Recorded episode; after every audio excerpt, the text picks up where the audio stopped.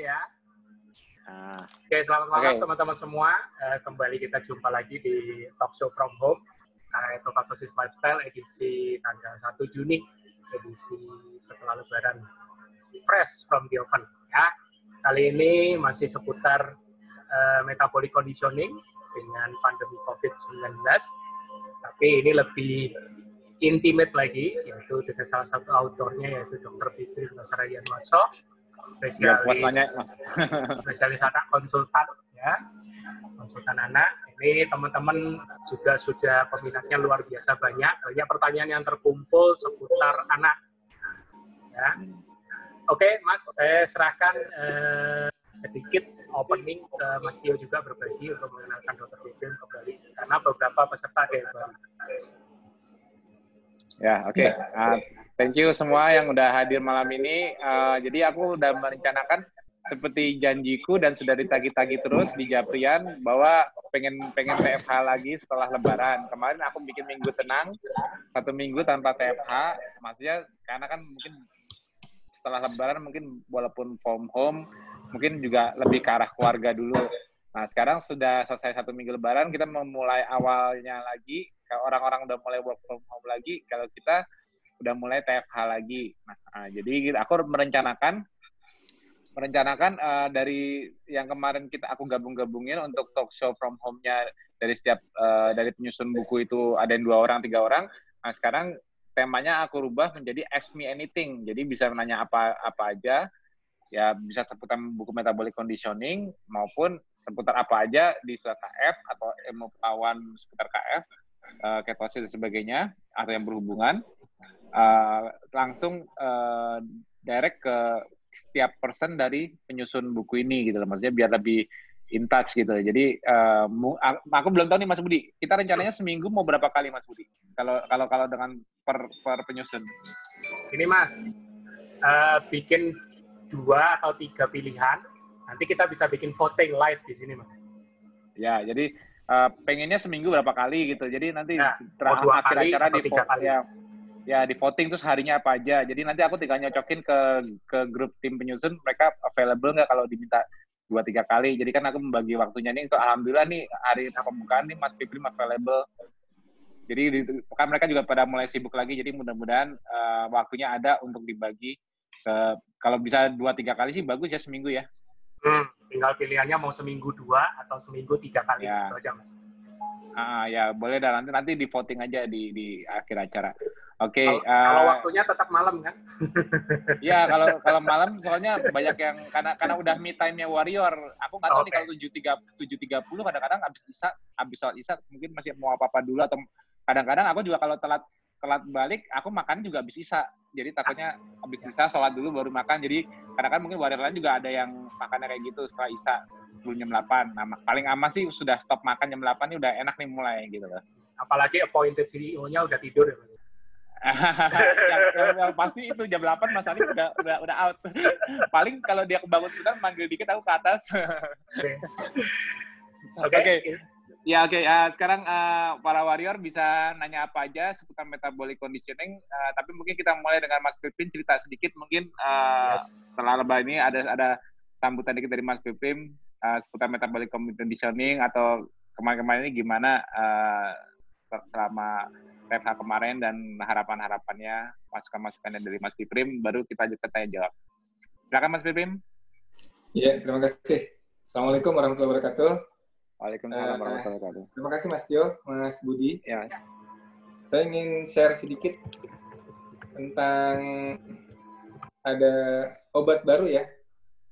oh Mas, ya. aku bisa share nggak nih Mas? Mau share bisa. screen, Mas Budi? Sebentar, sebentar. Ah, iya. bisa, bisa banget. Ini belum bisa nih. Silakan, Mas Wiprim sudah bisa, sudah saya buka. Ya, sebentar ya.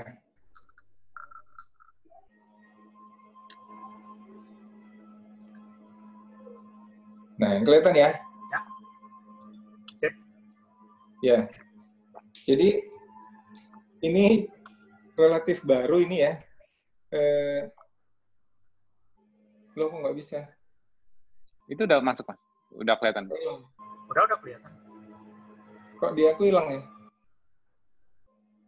Oh, maksudnya mau dibikin eh, white ya, Mas? Maksudnya full Enggak, enggak. Ini sebentar, sebentar. Aku share lagi ya. Bentar ya. Ya, boleh Mas. Tenang aja.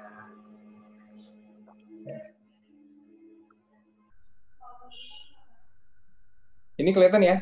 Kelihatan? Sudah muncul? Kelihatan. Kelihatan ya? Sudah? Ya, jadi ini ada obat baru ya yang ditemukan oleh para peneliti di Jerman ini kalau nggak salah ya. Namanya WP1122.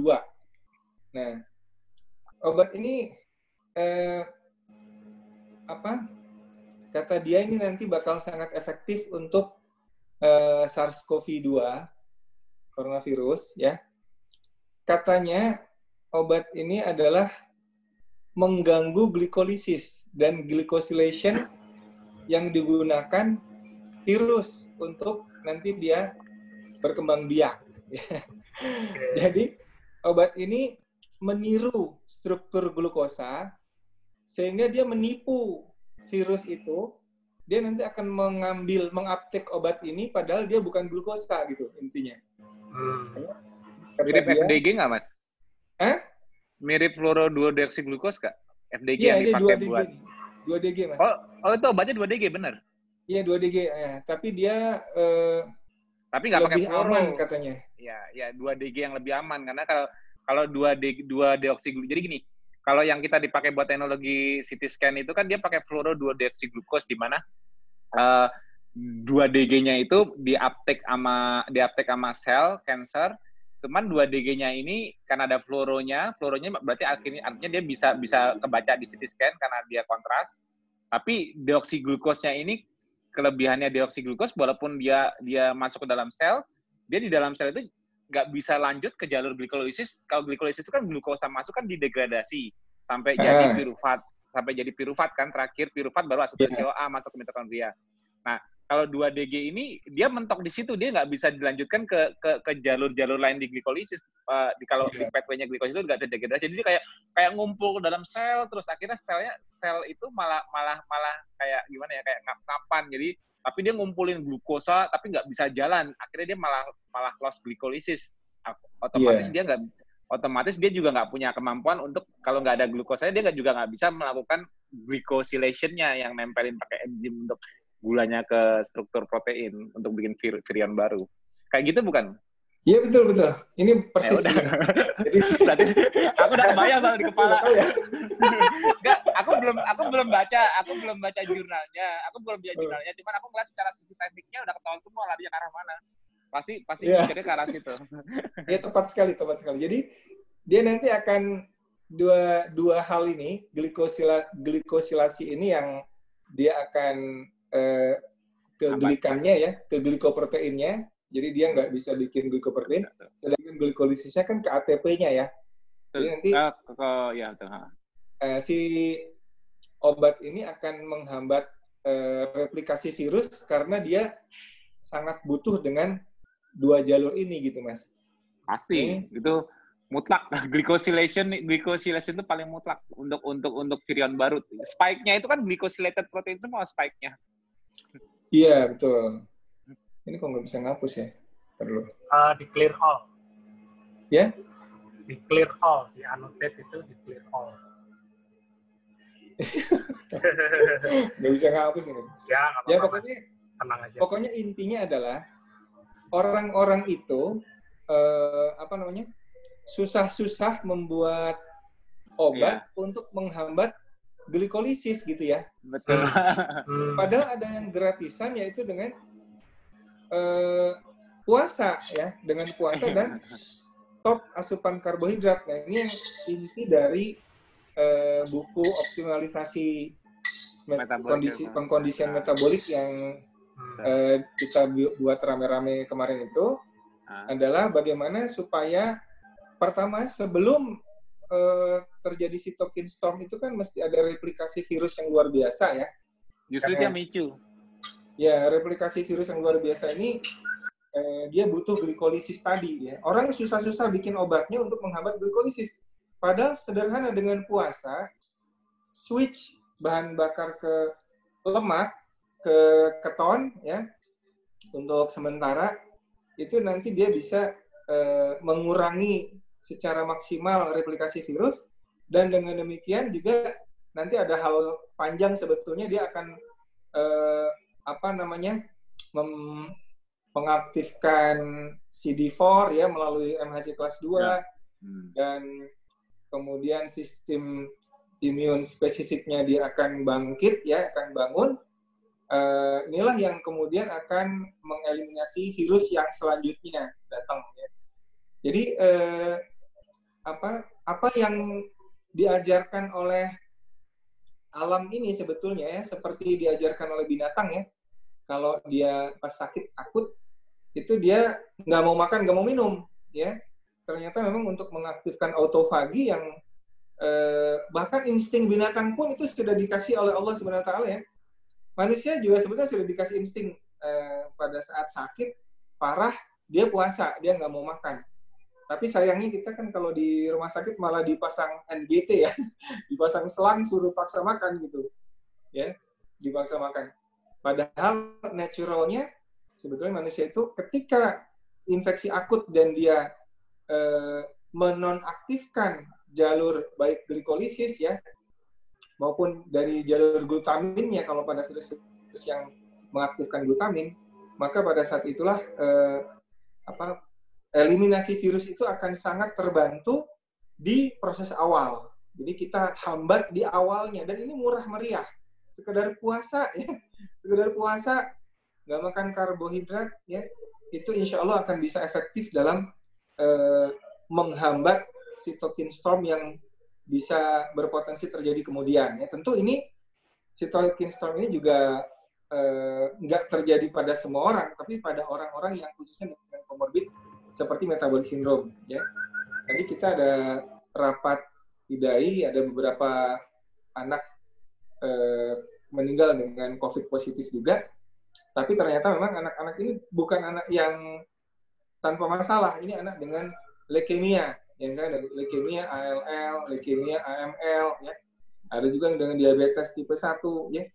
Ada juga nanti dengan anak yang memang sudah ada autoimunnya atau dengan asmanya. Jadi eh, kalau anak normal, memang biasanya dia eh, akan bagus switch ke adaptive immunity-nya, ya. Tetapi pada anak-anak yang dengan komorbid seperti ini memang pada dasarnya dia memang sudah ada masalah dalam imunitasnya ya. Jadi saya kira itu Mas Tio uh, ya. artinya apa yang kita ungkapkan di buku itu selaras dengan pengetahuan terkini ya, ya. yang orang susah menemukan bagaimana mengubah glikolisis ya. ya. Padahal itu bisa dilakukan dengan cara yang amat sederhana dan yang kita sudah sama-sama lakukan, eh, terutama warrior-warrior KF ini. Saya kira itu dulu ya. Mas Dio. Terima kasih. Ya, terima kasih, terima kasih Mas Fitrim.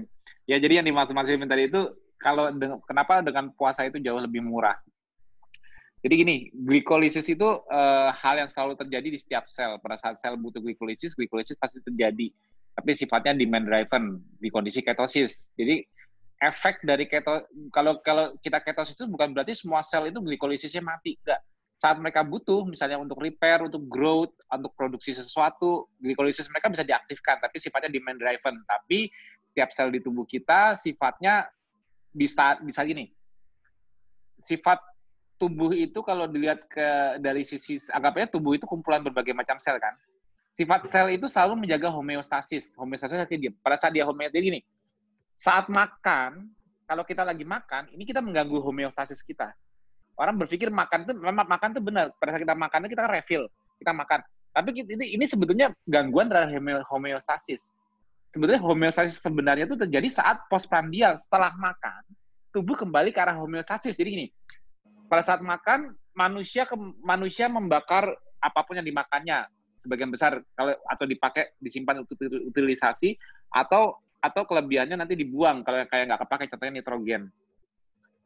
Nah, usaha pertama manusia saat mengalami gangguan homeostasis dari makan, kondisi makan, refill, ialah berusaha mendigestnya, mengambil nutrisinya, menggunakannya, membakar atau menyimpan.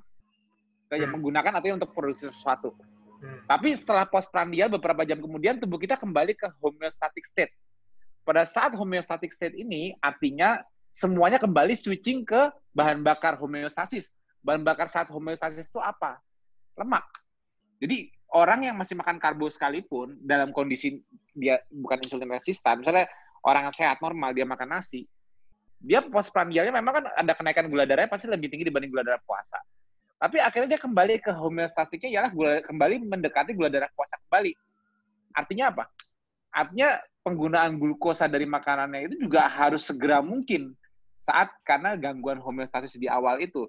Akhirnya mereka switching kembali sel-sel tubuhnya rata-rata kecuali otak ya kalau orang makan karbo otaknya tetap harus pakai glukosa karena nggak ada keton.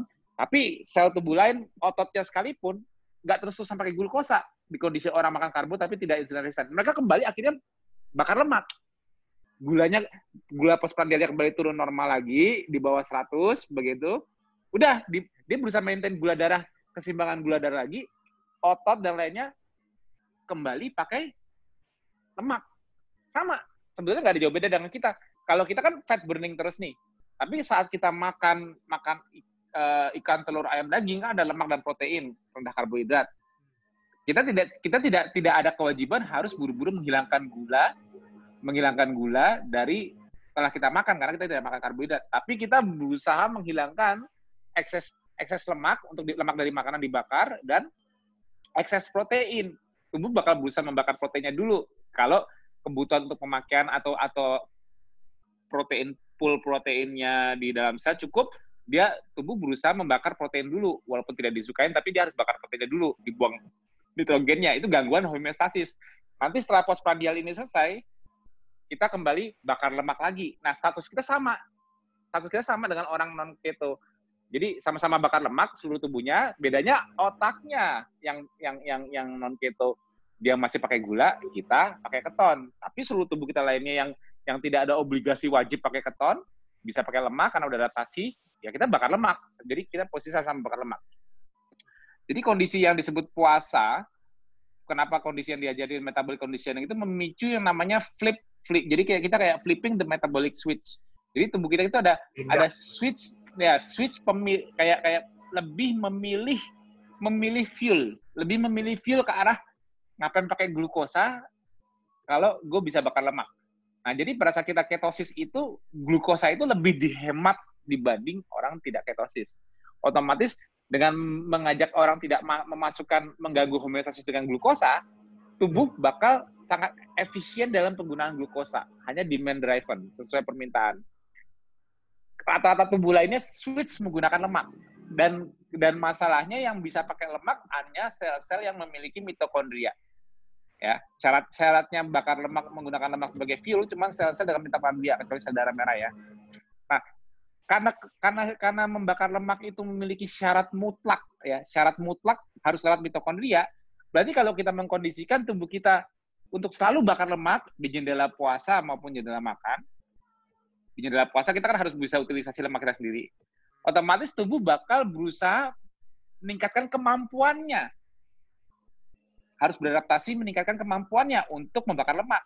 Ya karena karena lemak suka nggak suka mau nggak mau harus lewat mitokondria ya mitokondrianya diperbaiki diperbagus makanya disebutnya namanya terjadi mitohormesis jadi dengan tidak makan karbo tidak dengan tidak makan karbo aja itu sudah memicu hormesis gangguan terhadap mitokondria sehingga mitokondria harus keep up jadi semua sel-sel di tubuh kita mitokondrianya harus membaik dulu bagus dulu untuk bisa akhirnya kita jadi manusia pembakar lemak yang paling efisien jadi manusia pembakar lemak efisien ialah manusia yang sel-sel mitokondrianya bagus semua. Itu intinya.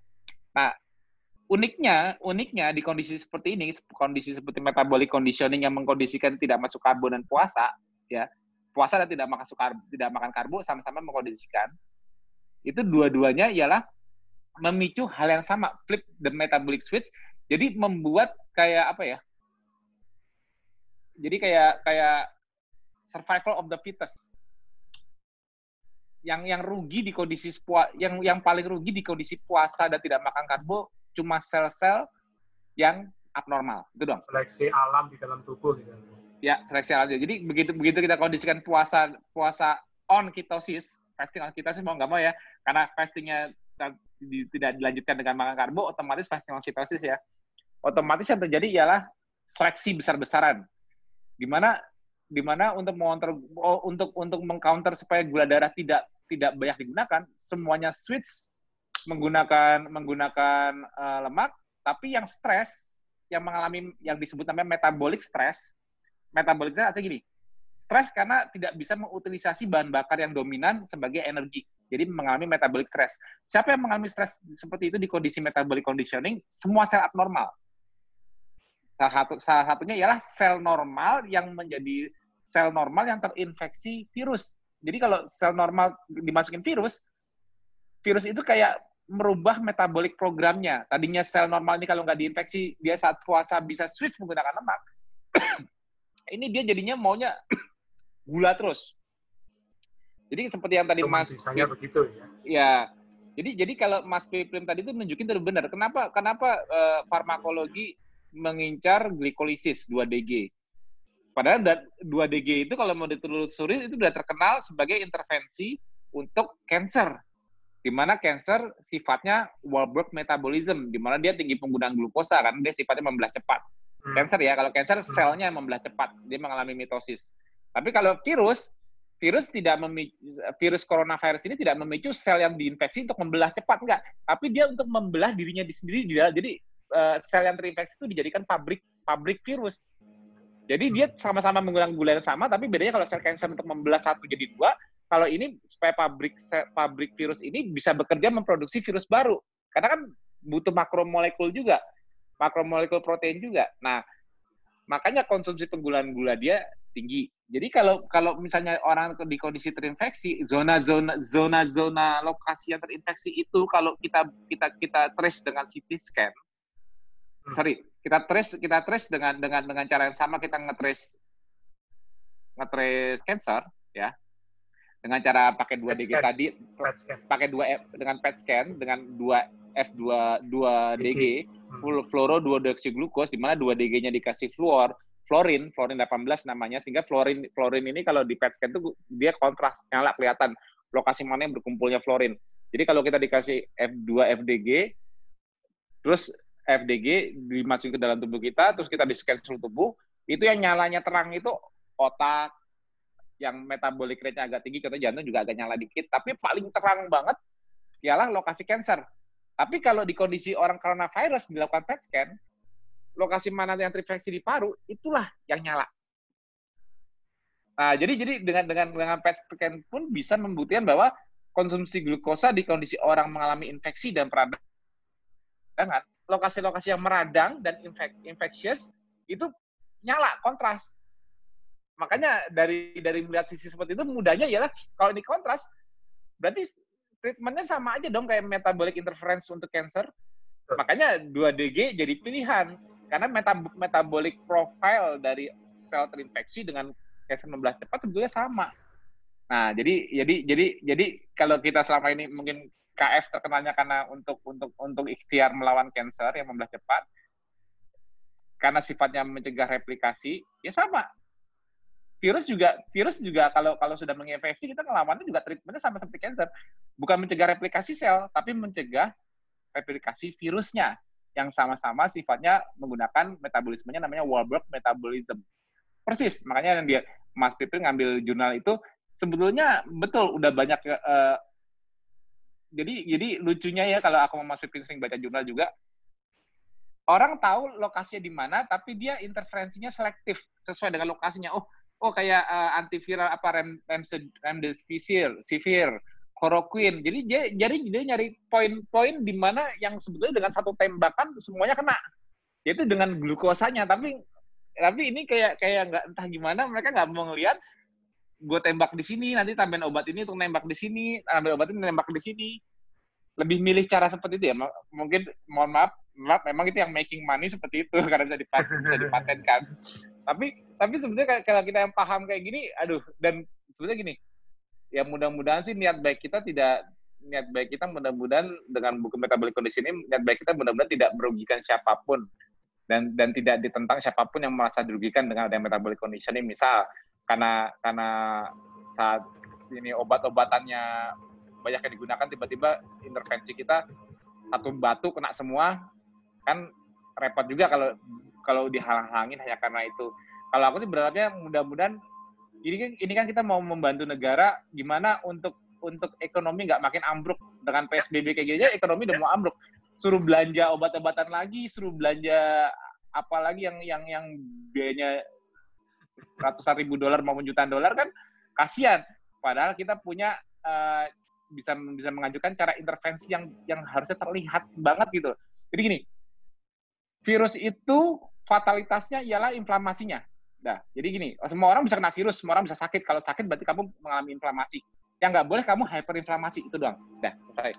Hmm. Apa pun virusnya, kamu bisa terinfeksi, bisa nggak sakit, bisa nggak berasa sakit, karena kalau, kalau respon imunnya bagus, bisa sakit, agak lambat dikit respon imunnya, tapi akhirnya sembuh. Bisa out atau fatal kalau kamu hyperinflamasi yang dibilang Mas Pipim tadi, cytokine storm. Jadi, jadi kata kuncinya selalu inflamasi. Yang berbahaya itu inflamasi. Nah, pertanyaan kan satu, bagaimana mengkondisikan mencegah. menjadi an, mencegah menjadi anti inflamasi. Nah, jawaban tujuannya adalah harus melakukan sesuatu yang yang sifatnya antagonis dengan inflamasi, harus melakukan sesuatu yang anti inflamasi. Yes, yes. Ya mudah ya, ya, ya di sini menunjukkan bahwa gaya hidup kita ya memang gaya hidup anti inflamasi, makanya kita jadi jarang tubuh kita tubuh kita tidak meradang terus seperti dulu, kita dikit-dikit gampang sakit, nggak low grade inflammation hilang semua, badan kita kayak begitu orang udah ketosis langsung kayak badannya enteng. Ya paling di masa adaptasi masih gampang dehidrasi. Paling cuma itu, itu aja. Jadi poinnya itu selalu mengarah ke situ. Cuman cuman yang yang yang Mas Piprim dan aku gemes itu kok nggak ada yang lihat benang merahnya gitu. Jadi Mas Piprim juga ini ini ini keluaran ter, keluaran terbaru. Nanti keluaran terbaru dengan obat dikolisis semua orang pada rame. Oh ya ini, ini obatnya semua negara pada beli ini. Pada beli ini karena efektif. Padahal kita punya solusi tapi kayak nggak mau dilirik gitu. Itu aku kasihan kalau kita nggak sampai nggak mau mencoba sesuatu yang tidak tidak berbiaya besar. Puasa itu kan nggak butuh biaya. Satu gitu, hal mas, kayak satu hal sepertinya uh, kita kalah di sisi instan. Jadi, ya, okay, jadi obat ya, itu memang memang lebih menarik ya. karena instan. Tapi ini bahkan yang kita balik lagi pilihan. Tapi menarik ini mas. Ya. ya apa yang tadi disampaikan dokter Piprim itu uh, menarik. Ada obat. Tapi balik lagi loh, ketika ditelaah dan ditebak sama Mas Tio tadi cara kerjanya, ternyata memang uh, usaha para ahli vaksin dan dokter ini untuk riset itu se sepertinya memang sudah benar gitu loh. Dan itu justru poinnya arahnya udah benar. Iya justru mengkonfirmasi apa yang selama ini kita sudah lakukan sebenarnya. Kan begitu. Ya kan? Makanya ini tadi banyak ya. pertanyaan yang yang mungkin sorry mas tadi ada beberapa istilah yang belum familiar tapi tidak apa-apa. Tadi aku sudah akan ikutin dulu video sebelumnya ya, terutama yang uh, tentang KF Awam. Itu akan akan banyak belajar metabolisme di situ. Tapi ini dok sedikit pertanyaan yang utama mewakili. Ini kan dokter, Biprim kan dokter anak nih. Nah, oh ya. Kalau orang tua mungkin eh, rata-rata eh, mungkin sudah mulai maklum bahwa ya rata-rata sudah punya kondisi metabolik yang kurang bagus. Nah ini kalau udah mikir anak-anak, ini bagaimana caranya supaya eh, apa jangan sampai terjadi kalau sampai terpapar itu jangan sampai Oh iya ini ter terutama menjelang menjelang kalau misalnya oh, apalagi mau mau sekolah, sekolah new normal ini kan. New normal Gimana, ini. Dok? Monggo, silakan, Dok.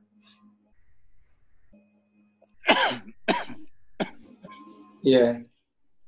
Saya kira eh, saya sama-sama di IDAI ya, Ikatan Dokter Indonesia itu di Instagramnya sudah viral tentang rekomendasi eh, untuk memundurkan sekolah, memundurkan masuk sekolah ya, setidaknya sampai akhir tahun ya.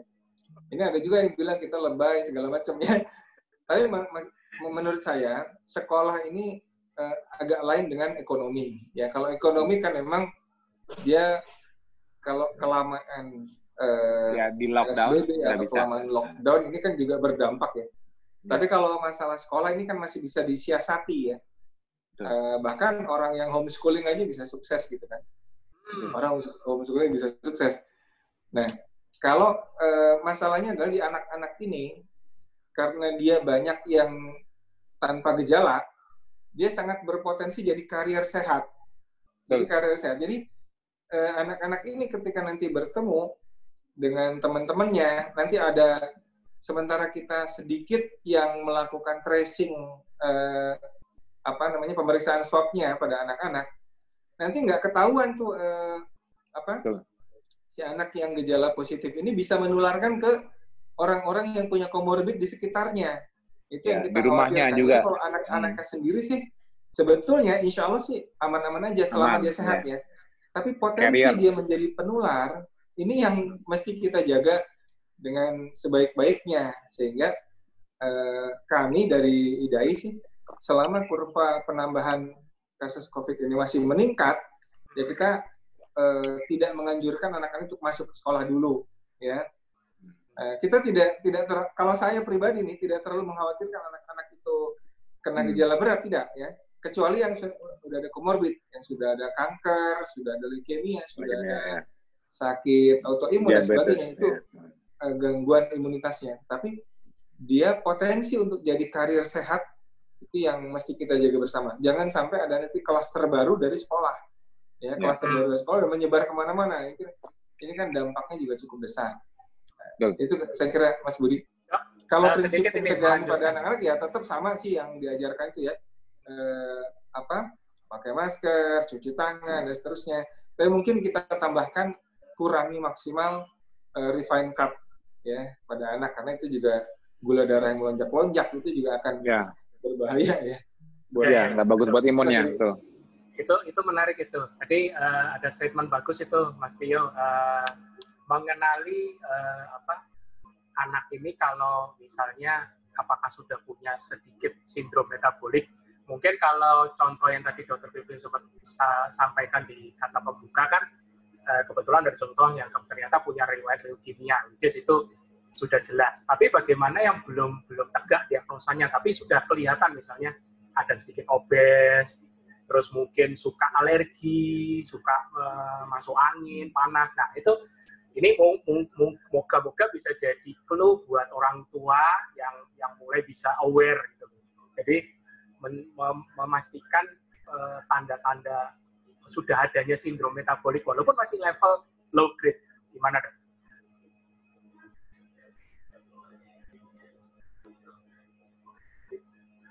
Mas Wipin? Gimana gimana tadi? Ini agak error. Oh, oke. Jadi ini dok, tadi kan eh, dokter Pipin di awal sempat bilang eh, satu kasus ternyata ada anak juga sudah kena, tapi dia punya riwayat leukemia. Nah, kaitannya tadi dokter Pipin juga sempat di statement terakhir bilang anak-anak yang sudah ada sindrom metabolik seperti cancer, seperti ini dan segala macam, oke itu jelas benang merahnya. Tapi yang bagi yang masih mengalami sindrom metabolik awal, yang masih low grade inflammation seperti sering alergi, kadang sering batuk, kadang apakah itu termasuk harus diwaspadai supaya orang tua ini juga punya punya clue untuk mencegah lebih awal gitu. Gimana? Iya iya. Iya tentu eh, sindrom metabolik ini juga ternyata eh, makin ke sini itu eh, banyak juga mengenai anak-anaknya. Contohnya eh, diabetes tipe 2 misalkan. Diabetes tipe 2 itu tadinya sangat jarang men- mengenai anak-anak karena diabetes tipe 2 ini kan eh, penyakit akibat lifestyle ya. Eh, pada anak itu kebanyakan tipe 1 karena gangguan imunologi pada pankreas sehingga dia tidak bisa membentuk insulin. Tapi gara-gara lifestyle yang tadi itu yang makan terus, ya kan? Makan terus yang dimakan yang dimakannya refined carb, refined carb itu karbohidrat olahan yang langsung merangsang gula darah menjadi tinggi dan Paling gampang Terus-menerus kentang goreng. makannya. jadi ya ya kentang goreng lah yang Oreo, coklat minumnya kayak gitu. Dan ini makannya kan nggak kalau dulu orang orang tua dulu makannya itu di meja makan tiga kali sehari ya makannya itu makan keluarga bareng-bareng. Sekarang anak-anak kita itu makan di depan televisi, di depan komputer, sambil eh, jalan di mobil.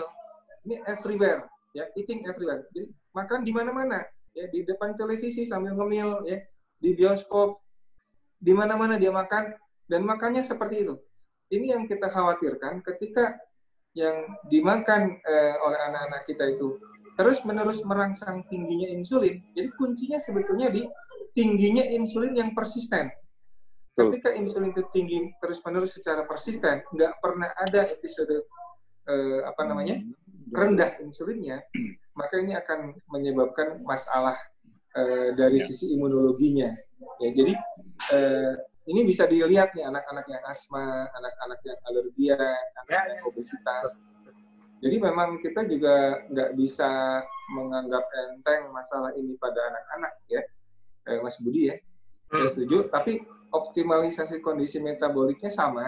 Jadi kalau naudzubillah, naudzubillah kalau anak kita ada yang kena, ya, ya kalau anak kita ada yang kena, itu ya treatment pertamanya tentu saja harus puasa ya harus hmm. puasa mungkin pada anak eh, 16 jam cukup ya ada anak 16 jam cukup. Jadi uh, itulah daripada beli obat-obat yang mahal-mahal tadi yang DG yang penemuan baru tadi belum jadi juga obatnya ya.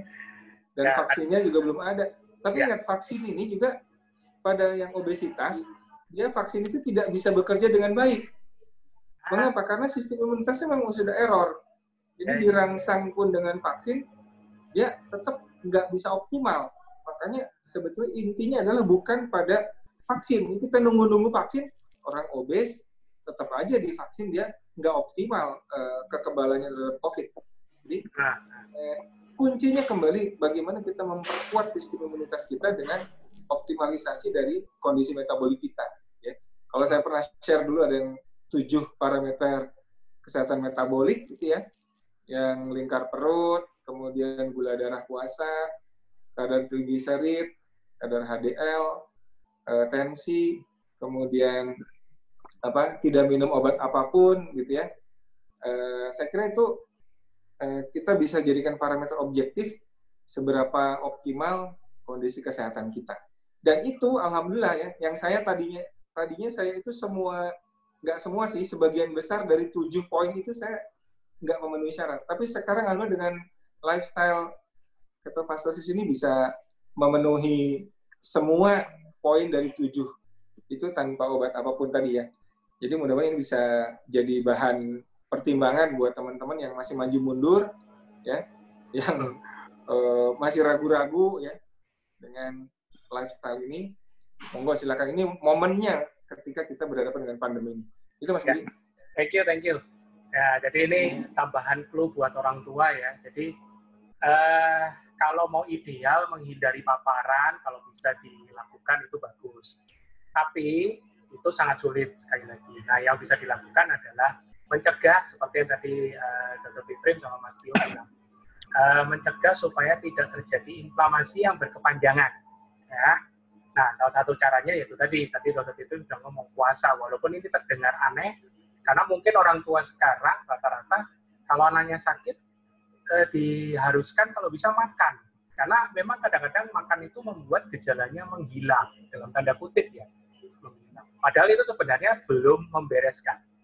Jadi mesti diingat lagi buat orang tua di sini, virus itu cara kerjanya seperti apa. Ketika kita lebih mengutamakan asupan dari luar, apalagi itu dalam bentuk karbohidrat terserap, Nah, itu akan memicu insulin yang ujung-ujungnya mendukung proses replikasi virus dan virus bisa berkembang biak serta berpotensi jadi inflamasi berkepanjangan. Ada tambahan Mas Tio? Sebelum saya menyapa kasih floor ke satu peserta di sini. Ya, ya betul. Uh, aku sih setuju dengan ide AI kalau kalau dianjurkan karena kan sifat sekolah itu kan bisa di rumah. Dan betul juga memang resikonya uh, memang kalau yang di concern kan kebanyakan war, banyak warrior yang juga WA ke aku, japri ke aku nanyain, Mas gimana nih kalau anak-anak anak saya anak saya masih makan karbo, anak saya belum bisa ngikutin saya. Kalau anak saya gimana nih kalau dilepas ke ke sekolah kalau memang benar-benar new normal memasukkan sekolah. Kalau aku bilang betul kata Mas Pipi, kita tuh nggak perlu khawatir sama anak-anaknya. Selama anak-anak kita itu dalam kondisi walaupun mereka masih makan karbo, tapi dalam kondisi mereka tidak uh, parameter metaboliknya masih bagus. Karena jujur, anak-anak dan yang masih muda, apalagi anak-anak tahu sendiri kan aktif bergerak apa-apa gini-gini kan, lebih aktif dibanding banyak orang tua, mereka itu sangat insulin sensitif walaupun mereka masih makan karbo. Makanya metabolic syndrome uh, bisa dihitung jari ya belum belum belum menjadi wabah di anak-anak. Jadi kalau kita bisa melihat anak-anak kita walaupun masih makan karbo tapi mereka masih normal ya sebetulnya nggak perlu khawatir. Yang perlu dikhawatirkan ialah mereka jadi carrier. Ya itu betul. Jadi jadi uh, uh, membahayakan komorbid yang di rumah. Jadi kalau mereka balik ke rumah lagi, ada kakek ada kakek neneknya yang yang belum bisa ikutan KF atau karena komorbid tapi anak-anak kita yang sehat ini cuman membawa cuman jadi reservoir buat virus sementara aja pada saat mereka shedding virusnya uh, kena ke kakek neneknya ya itu bisa malah jadi bikin masalah baru lagi tapi jadi memang betul setuju uh, new norm uh, sebetulnya sih bisa aja sih new normal untuk anak-anak bisa dilakukan tapi yang nggak bisa dilakukan ialah psikologi anak-anak karena anak-anak kan kedisiplinannya beda sama orang tua. Orang tua kalau orang yang dewasa kan kalau misalnya disuruh ke kantor kerja udah dikasih conditioning harus social distancing apa apa menjaga menjaga paparannya kan bisa. Tapi anak-anak kan nanti tukeran masker lah bercanda-bercandaan lah atau atau ya namanya anak-anak apalagi yang masih kecil ya SD TK dan SD kalau sampai sampai mereka kumpul lagi dalam kondisi mereka yang yang yang nggak ngerti aturan karena masih anak-anak ya mereka lebih mudah menjadi reservoir bagi carrier. Bukan anak-anaknya tapi orang orang-orang di rumah di mana anak-anak itu kembali ke rumah. Hmm. itu yang beresiko karena mereka itu, itu itu. Tapi kalau untuk parameter metaboliknya itu juga udah benar aku juga kaget juga benar juga banyak anak-anak sekarang yang yang apa namanya yang yang sudah mengalami metabolic syndrome di pada saat masih kecil. Mungkin datanya di IDAI juga lebih lengkap kasus-kasus yang ditemukan makin banyak seiring dengan peningkatan ya tahu sendiri kan refined carb ya refined carb dari mulai yang refined carb sampai hyper palatability-nya tinggi paling enak, paling ya, jadi ya. ya jadi anak-anak itu sekarang menjadi korban iklan dari makanan-makanan hyper palatable targetnya anak-anak. Kenapa sampai kenapa hyper palatable? Karena itu yang menjual, making money. Contohnya kita bikinin ciki-cikian, dibikinin hmm. snack-snack apa yang yang kita tuh mas kita tuh ya katanya nggak boleh nyebut merek. Aku tuh the point Jadi, aja dulu dulu sebelum KF sukanya itu memang. Idem aku juga. Apa ya udah komedi depannya udah jangan jangan jangan fase halu Oke. Okay. emang emang emang emang kita jujur makanan seperti itu hyper palatable. Makanya pangsa pasarnya itu anak-anak. Kalau kita nggak bisa ngeh ini nggak bisa nyetopin anak-anak memanjakan anak-anak kita dengan dengan dengan makanan-makanan hyper palatable yang aku bilang hyper palatable itu ialah mengkombini, mengkombini, mengkombinasikan glukosa dan lemak. Glukosa dan lemak kalau dua-duanya digabungkan, tinggi lemak dan tinggi glukosa itu sangat palatable. Lidah kita suka, lidah kita sangat suka dengan tiga tiga dua dua itu. Iya kombinasi manis, gurih, gurih terus dan berlem, berlemak itu itu itu super. itu hyper palatable. Jadi gini, kalau kita makan ikan, telur, ayam, daging, itu palatable. Kalau kita makan sayur-sayuran mentah, mungkin nggak palatable, kecuali udah dikasih santan, dibumbuin, dikasih sambal. Ya. Jadi sambal, santan, atau bumbu membuat membuat sayur-sayuran yang sayur-sayuran tadinya tadinya nggak palatable, tidak nggak ada rasanya, pahit, kayak sayur mentah gitu, menjadi berasa karena dikasih di, dikasih uh, unsur yang palatable-nya, di unsur lemak seperti disantenin, dikasih unsur agak pedasnya, gurih, garam, apa. Nah, tapi kalau kalau nggak dikasih apa-apa, sayur itu kan sebetulnya nggak ada palatable-nya. Jadi sayur kalau tumbuh di alam itu nggak ada orang-orang di masa lalu nenek moyang kita ada kangkung pun dia nggak bakal ngelirik. Kenapa? Dia belum tahu cara mengolahnya. Kalau diicipin kangkungnya rasanya nggak palatable. Kalau sekarang kan kita punya santannya, jadi ngambil sayurnya, kasih santannya. Makanya di zaman sekarang minimal direbus, mas. Iya, ya, ya, coba sayur daun singkong direbus enak gak? Ayo. Enggak. Enak. kasih kasih sayur daun singkong kalau cuma direbus doang pahit tetap Mas. Ya, tetap harus dikasih santan dulu, dikasih harus harus ditikar pakai tempat beda sama hewani. Mas tangkap kelinci, tangkap nah. ayam, nah. nggak banyak nggak banyak bumbu, dibakar aja, direbus aja kerasa nah. gurihnya kenapa karena ada unsur lemaknya oh. ada apa jadi jadi ikan eh, makanan hewan ini sifatnya palatable tapi oh. bukan bukan hyper palatable ya makanan hewan itu palatable bagi manusia tapi bukan hyper palatable yang membuat hypernya itu menambahkan unsur refined carbs di tepungnya gini coba oh, makan uh, kalau kalau mau jujur gini kita nyebut merek lagi nih fried chicken Coba makan yeah. makan ayam ayam goreng kuning, ayam ah. goreng kuning dibanding sama ayam bertepung. tepung. Ah. Fried chicken dengan berbagai merek di fast food tanah. Ya, coba mana? Enakan mana makan fried chicken di fast food sama makan ayam goreng kuning, kuning. buatan sendiri? Pasti pasti pasti yang bertepung ini membuat kita makan lebih banyak. Ya. Karena apa? Tepungnya itu memicu hyper palatabilitas. Kalau ayam goreng kuning itu kan enak kan? ayam ayam goreng kuning enak kan mas? Ya, ada kunyit, pakai pakai kunyit apa apa Ya. kan gurih kan? Enak. Bagi kita tuh enak, tapi Ah. kita kita nggak enak tapi nggak nggak nggak hyper. Begitu ditepungin hyper. enak kalau dia Lebih tambah terus. Nah. Jadi jadi jadi kalau saranku buat para orang tua hindari anak-anak dari makan sesuatu yang memicu harus bisa orang tua tuh harus tahu ini kayaknya anak gua kalau makan ini kecanduan deh. Jadi mereka waktunya makan makan apa aja yang yang palatable bagi mereka enak tapi tidak membuat mereka hyper palatable ketagihan. Ngerti nggak? Maksudnya mereka makan rendang suka tapi begitu makan apa gitu yang yang yang ada gulanya unsur tepung gulanya mereka lebih suka yang itu. Ya intinya intinya intinya intinya intinya hi- hi- hindari makan sesuatu yang sama selain warrior sendiri eh, juga anak-anak anak-anak yang anak-anak yang belum keto lah.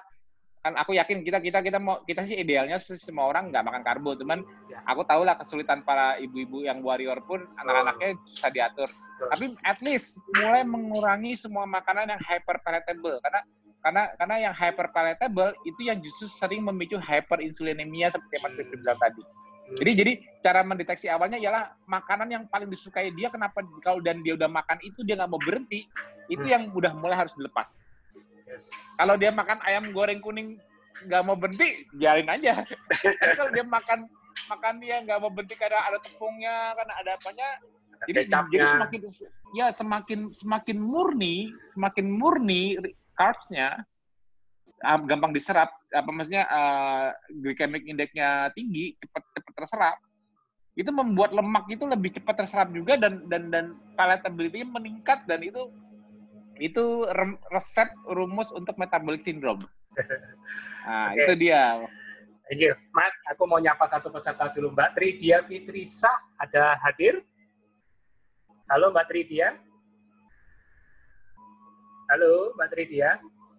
Apakah Ini online? kok di, di chat pada fase halus sih? Kalau belum bisa, aku coba bacain aja. Beliau cukup banyak ini concern-nya. Dia ibu dari satu anak usia satu tahun 11 bulan. Sudah mengikuti pola KF ini, anaknya namanya Faruk, kurang lebih 8 bulan. Eh, diagnosanya eh, epilepsi sejak usia satu bulan karena virus CMV. Dan Ya. hasil MRI memperlihatkan ada kerusakan di bagian otak kanan. Eh, sampai sekarang Faruk lehernya belum kuat.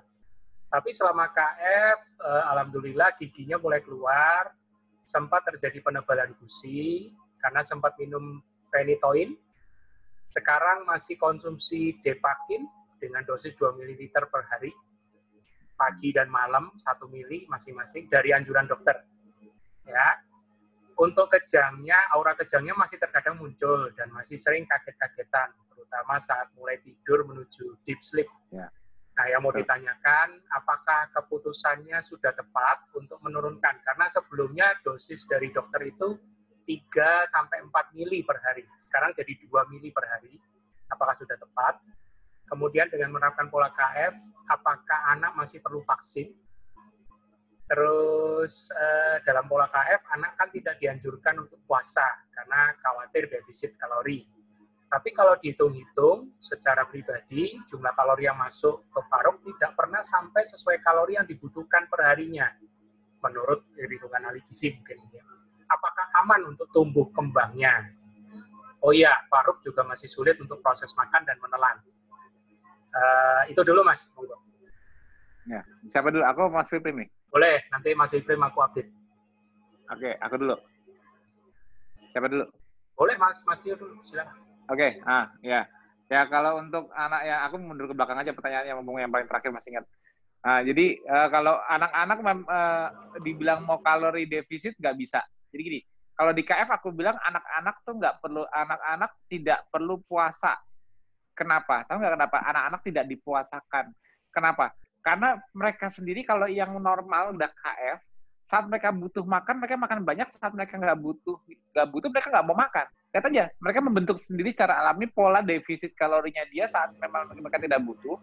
Dan pada saat mereka butuh untuk healing, misalnya pertumbuhan, mereka tiba-tiba makannya jadi banyak sendiri. Nggak usah diminta sekalipun. Nah, jadi jadi aku cuma bilang mereka nggak ada jendela makan. Kenapa? Karena karena karena kalau aku bilang dikasih jendela makan 16 per 8, misalnya 8 jam makan, tapi paginya dia tiba-tiba lapar karena satu hal, ya itu berarti dia memang anak-anak gitu loh. Anak-anak kalau pagi itu jarang lapar. Jadi nggak jadi nggak usah dikasih, oh gini, bebas kamu makan kapan aja tapi jangan makan karbo. Misalnya mau digituin. Tetap aja dia nanti makannya nggak mungkin pagi. Kalau pagi mereka susah makan. Jadi jadi yang aku maksud nggak dikasih jendela makan karena mereka sendiri sudah menunjukkan bahwa mereka itu tidak suka makan banyak. Anak yang sehat ya tanda kutip ya. Ya, mereka tidak mereka tidak craving pagi-pagi, tidak lemes pagi-pagi, tidak kehilangan energi. Makanya justru orang tuanya yang yang yang yang orang tuanya sudah banyak metabolic isu, aku setting dengan yang udah dewasa yang sudah punya metabolic problem, itu aku setting langsung dengan 16 per 8. Sekalian sekalian mereka ngeliat itu loh kenapa kamu nggak bisa kayak anak-anak. Tapi anak-anak walaupun aku nggak bilang nggak pakai jendela puasa, lihat mereka mereka bakal defisit kalori, defisit kalori yang terjadi pada mereka alami Nah, jadi mereka kayak gitu. Nah, kalau untuk si Faruk, uh, uh, pengurangan depaketnya memang bertahap. Jangan nggak bisa tiba-tiba. Kayak Mas Alif juga dulu kan pakai depaket, pakai apa tuh, uh, aku kok, ya udah pakai itu penitoin, uh, apalagi ya? Ya pokoknya ada beberapa aku lupa tuh si Lina yang tahu. Itu juga dulu pasti juga bertahap dan dan Mas Alif dulu pertama kali intervensi ini kan umur dia setahunan kan. Nah, dia malah kejangnya lebih sering dulu di awal. Nah, akhirnya pada saat dia menuju arah perbaikan, menuju arah perbaikannya, dia dia kejang yang totalnya udah mulai berkurang. Tapi akhirnya, tapi akhirnya sebelum kesem, sebelum ada perbaikan ya. Jadi gini, lucunya lucunya Mas Alif itu gini, sebelum dia mau pinter, dia kejang.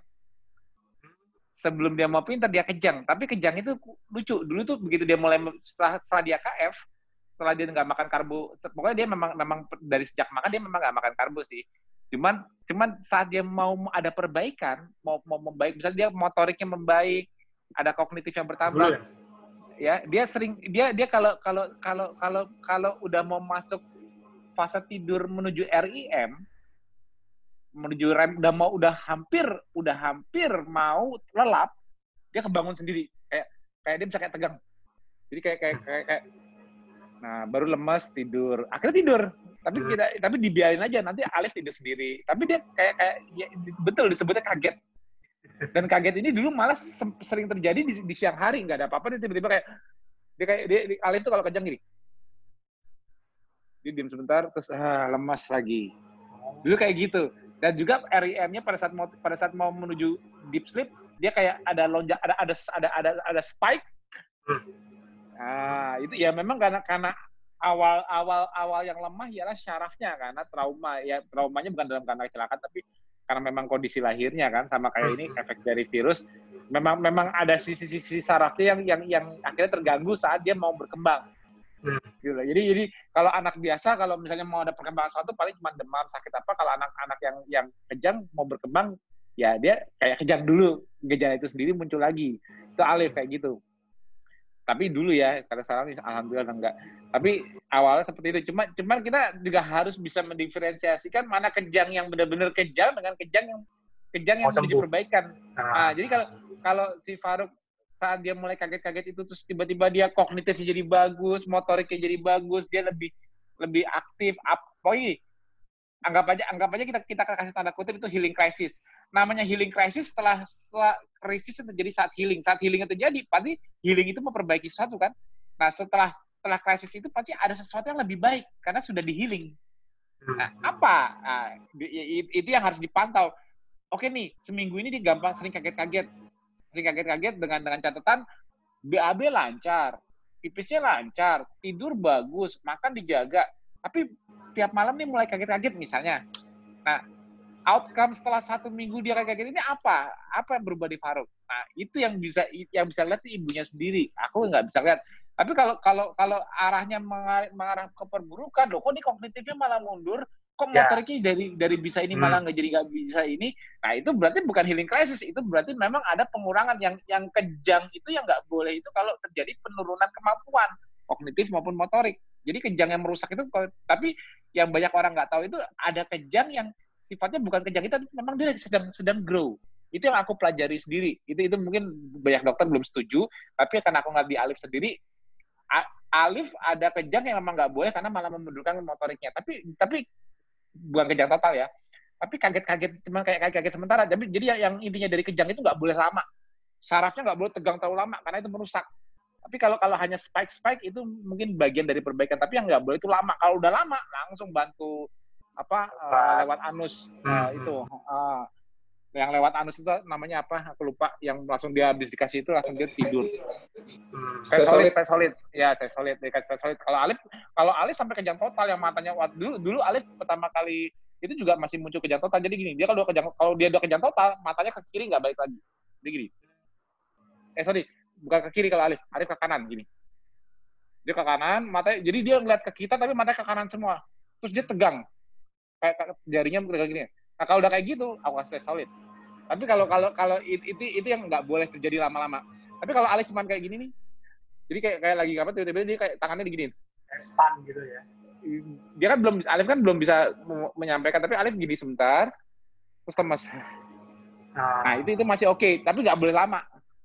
Kalau kadang-kadang itu yang dibilang kaget, kaget. Atau atau dulu Alif mau tidur, udah kalau sebelum tidur nggak apa-apa tapi pas dia tiduran di kamar menjelang tidur udah mau merem udah mau udah mau masuk deep sleep kebangun. Nah habis itu tidur lagi udah bablas. Nah itu itu nggak itu nggak masalah itu bagian dari perbaikan. Tapi nggak boleh terus menerus harusnya setelah itu berkurang berkurang berkurang berkurang. Itu yang aku pantau di alif dari dulu. Yang nggak boleh cuma yang total. Tapi pengurangan pengurangan depaken lihat perbaikannya dengan mengurangan karena depaken jangka panjang kan mungkin kan kita kan nggak kan sebenarnya kan udah ada penelitiannya nggak bagus buat liver tapi itu nggak bisa dihilangkan total. Karena karena kita kita uh, nyabutnya juga bertahap. Jadi dari zaman Alif dulu pakai itu kita nggak sampai sampai seperti sekarang itu bukan berarti begitu KF lepas total enggak loh. Alif juga dulu bertahan. Apalagi dilepas bertahap bertahap. Jadi jadi jadi supaya menghilangkan efek withdrawal. Jadi obat itu kalau udah pakai lama itu kalau dicabut tiba-tiba ada withdrawal efeknya. Jadi kita juga withdrawalnya pelan-pelan. Lihat progresnya. Kayak gitu. Jadi jadi dengan mengurangi sebetulnya bisa mantau orang tuanya juga mengurangi dua. Jadi kadang-kadang dokter kan cuma minta output ke kita, misalnya kita ke dokter, dok boleh ngurangin dosis nggak? Sebetulnya yang tahu pengurangan dosis itu kalau aku bilang malah lebih ke orang tuanya. Sama kayak gini, kayak hmm. kita diabetes. Kayak diabetes kita minum glukopak. Hmm. Kalau mungkin kita ke dokter, mungkin kita kita udah udah ngelapor gula darah bagus, mungkin belum langsung itu karena obatnya masih kamu pakai, jangan lepas dulu. Padahal kalau kita eksperimen sendiri, glukopaknya dilepas pelan-pelan. Metforminnya lepas, lepas, lepas. Gula darahnya nggak berubah, tetap bagus. Lepas lagi, tetap bagus. Akhirnya nggak pakai sama sekali dosisnya. Bagus nih, tetap stabil. Oh berarti nggak ada withdrawal efeknya, jadi dengan pencabutan tiba-tiba ini nggak tiba-tiba spike lagi. Nah, akhirnya kita bisa kita dengan parameter ya. Jadi melepas obat itu juga dengan dengan acuan, bukan melepas obat kira-kira doang. Tapi kalau kayak kenjang tadi bisa buat kira-kira. Kalau misalnya, oh balik lagi dosisnya, jadi kayak tarik ulur, tarik ulur, tarik ulur, akhirnya lepas total. Artinya nggak ketergantungan obat. Itu, itu itu itu tekniknya. Jadi makanya aku orang di KF kalau dari udah punya penyakit naon kayak diabetes apa pun itu dia minum obat udah lama, hmm. kalau begitu saat KF itu nggak boleh tiba-tiba lepas. Hmm. Hanya mengurangi dosis kayak contohnya insulin Hmm. Kalau dia pakai eh, orang diabetes pakai insulin berapa berapa dosisnya berapa misalnya 10. Hmm.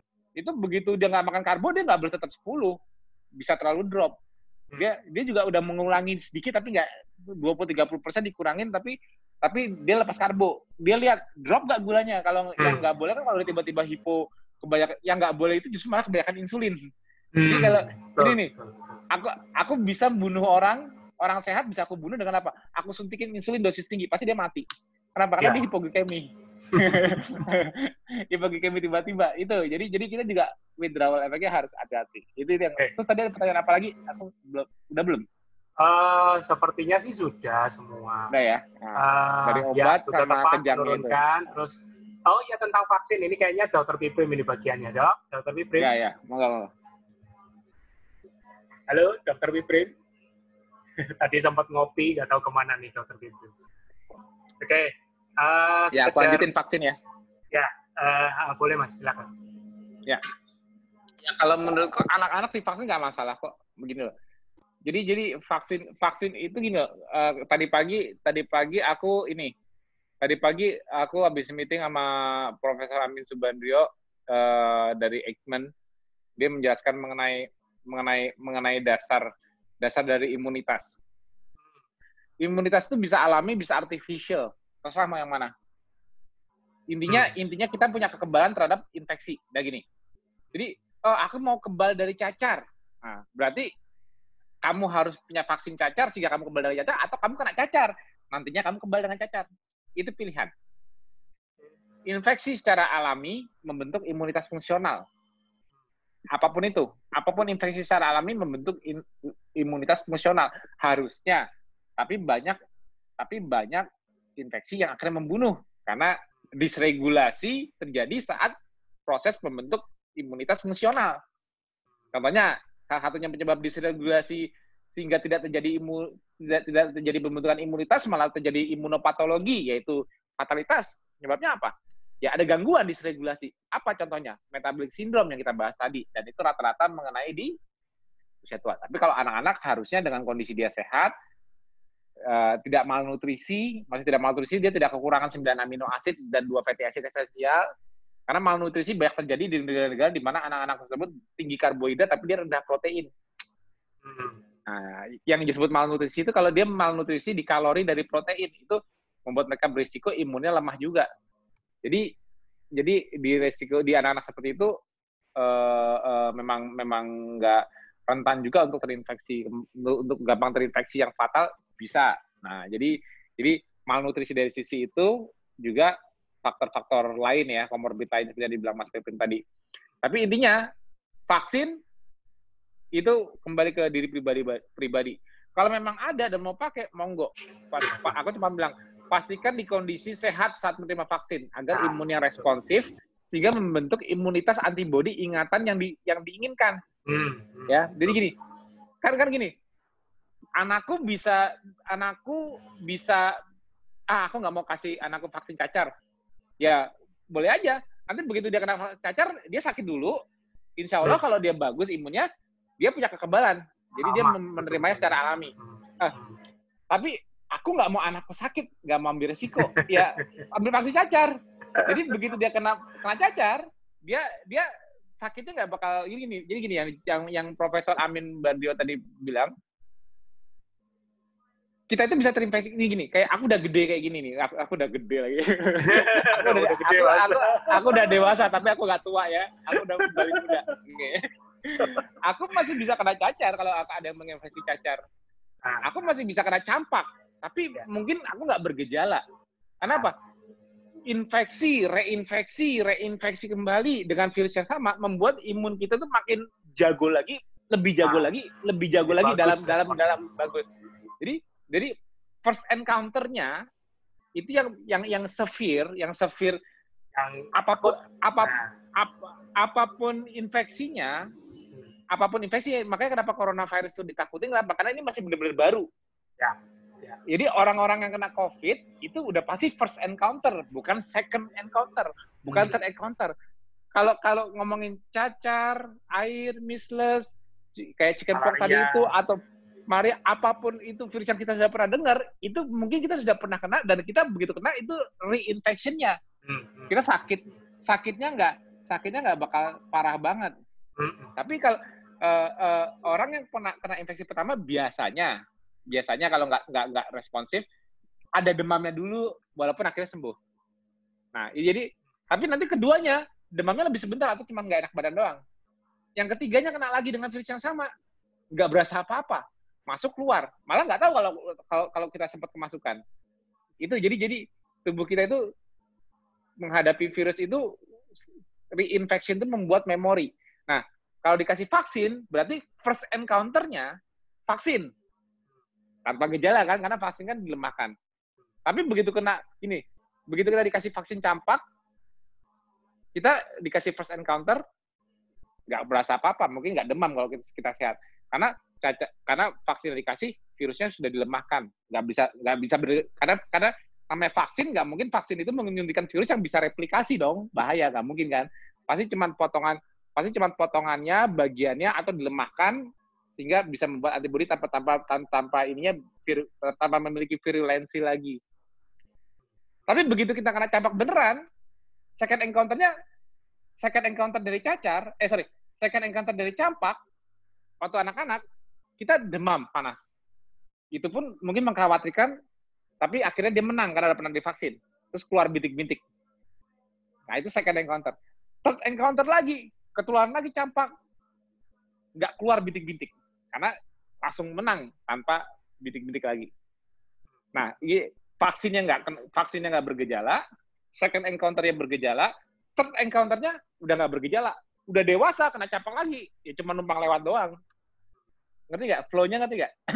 nah, kalau bayangkan kalau nggak ada, bayangkan kalau yang pertama kali itu bukan vaksin, bukan vaksin, tapi campak sebenarnya.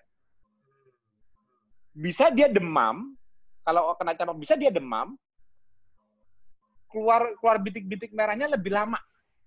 Jadi dia demam, demamnya lebih lama dulu, akhirnya demam lebih marah dulu, 3-4 hari demam atau atau 5 hari demam, baru hari ke-6 keluar bintik-bintik merah, first encounter, nggak tanpa vaksin. Hari ke hari ke-6 baru keluar bintik-bintik merah, sembuh.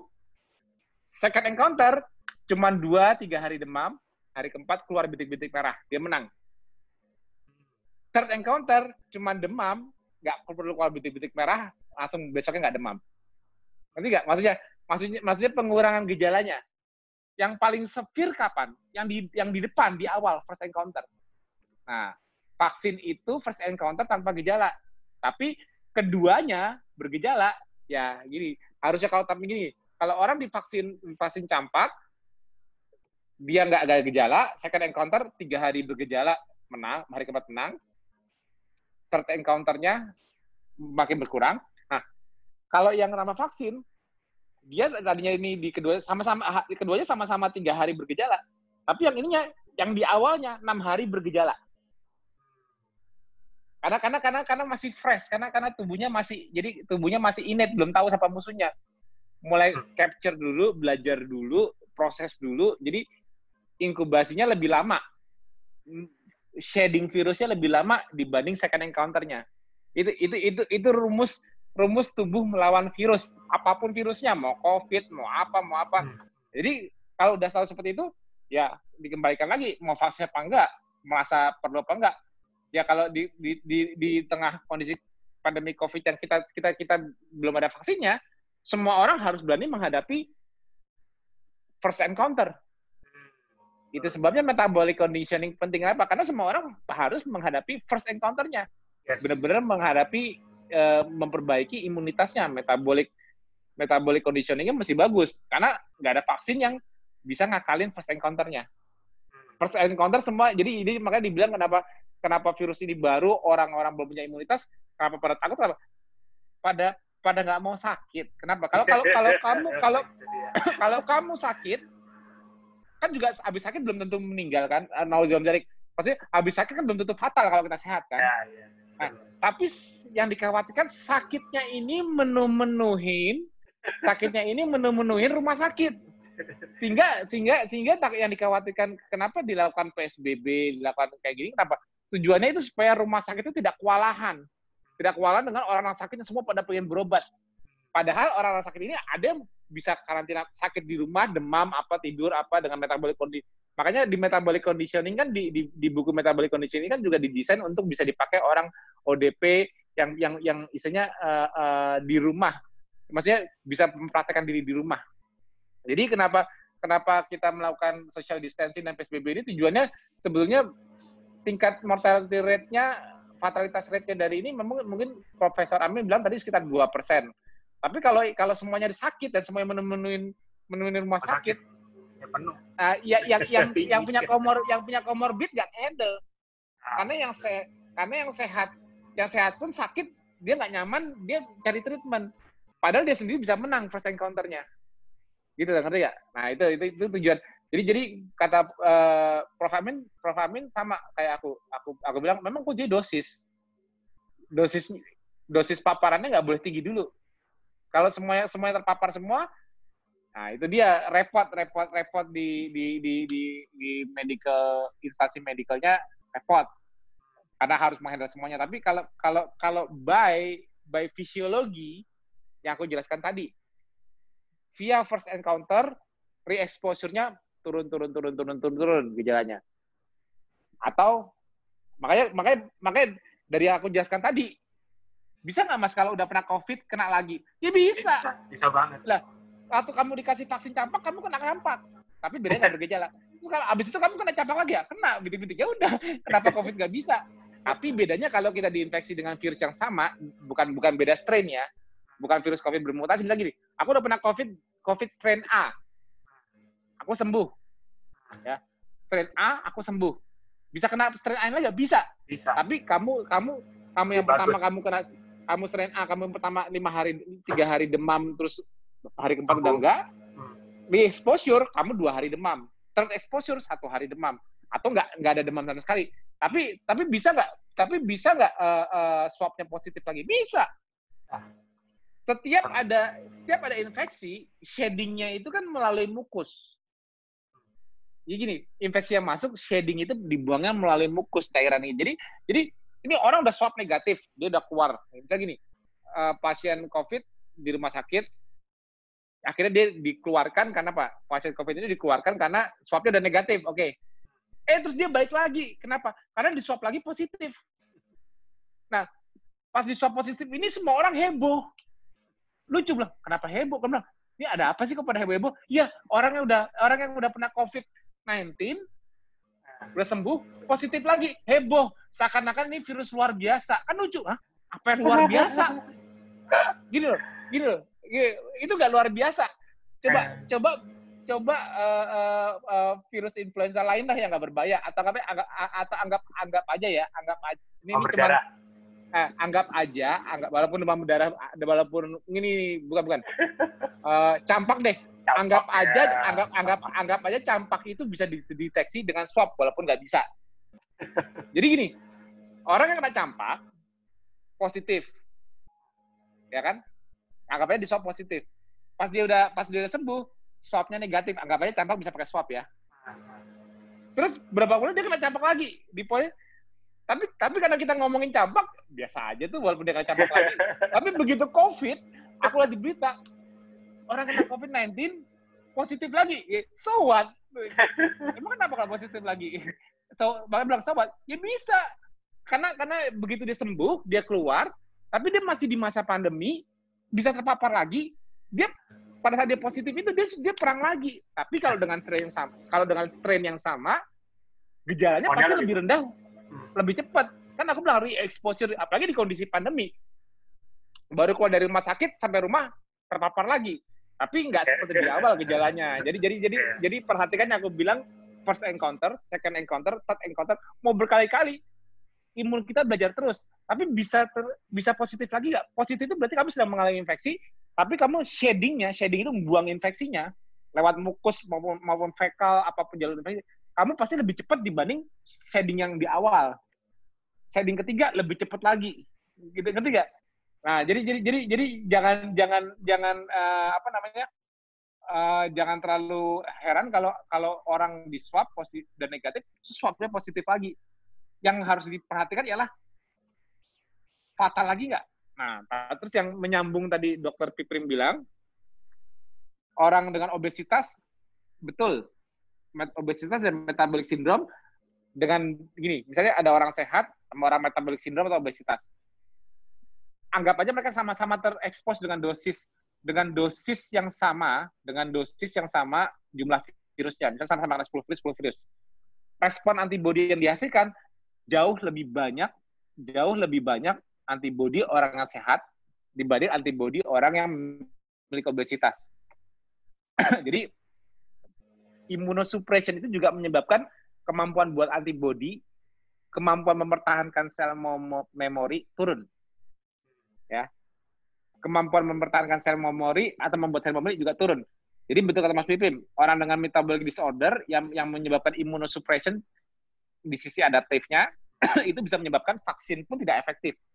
Jadi jadi terinfeksi terinfeksi virus sebenarnya aja dia tidak bisa membentuk imunitas yang seperti orang normal yang yang yang yang yang yang makin berkembang makin cepat jadi IgG-nya makin naik terus kemampuan membuat imunoglobulin G-nya makin naik terus first encounter IgG-nya misalnya sekian grafiknya re-exposure dia bisa lebih tinggi grafiknya pembuatan IgG-nya pertama kalau di di first encounter IgM dulu disusul IgG second encounter, IgM-nya cuma sebentar, IgG naik.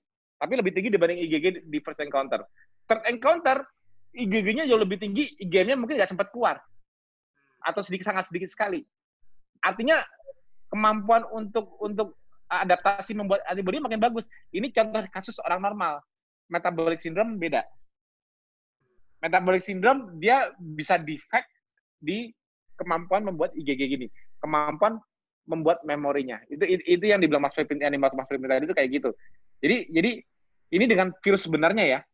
Apalagi dengan virus yang dilemahkan. Kalau vaksin itu kan virus yang dilemahkan hmm. atau hanya bagian ini dan dan kalau virus beneran kan bisa memicu inflamasi karena inflamasi itu juga mengundang sel imun datang untuk menyerang. Hmm. Tapi kalau kalau kalau kalau vaksin itu butuh ajuvan, butuh butuh uh, uh, sesuatu yang bisa mengundang imun imunnya datang. Jadi vaksin vaksin kalau cuma virus dilemahkan mungkin nggak ada reaksi.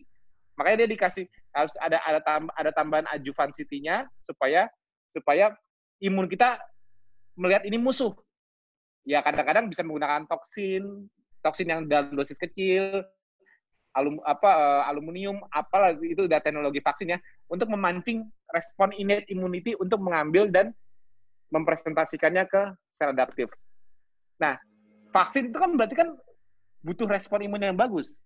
Yes. Ya kan? Karena karena bukan virus sebenarnya. Jadi untuk membentuk imunitas yang baik, butuh respon imun yang bagus terhadap vaksin itu sendiri. Jadi kalau respon imunnya ini jelek, jelek. imunnya jelek, nah efek dari vaksin ini tadinya cuma satu dosis dua dosis cukup ini mungkin nggak cukup buat dia. Hmm. untuk membentuk membentuk imun imunitas akhirnya mubazir vaksinnya. Itu yang dimaksud dokter Piprim tadi.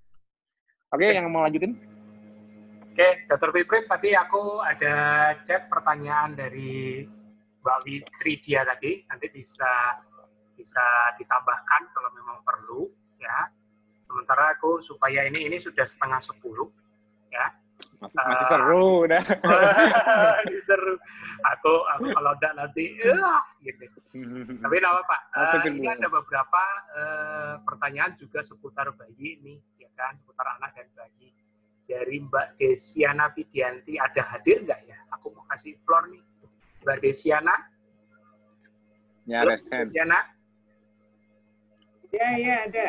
Ya, silakan Mbak Desiana dengan Dokter Pepro langsung. Silakan ya, Mbak. Oh ya ya ya, terima kasih. Ya Dokter Fitri, Assalamualaikum.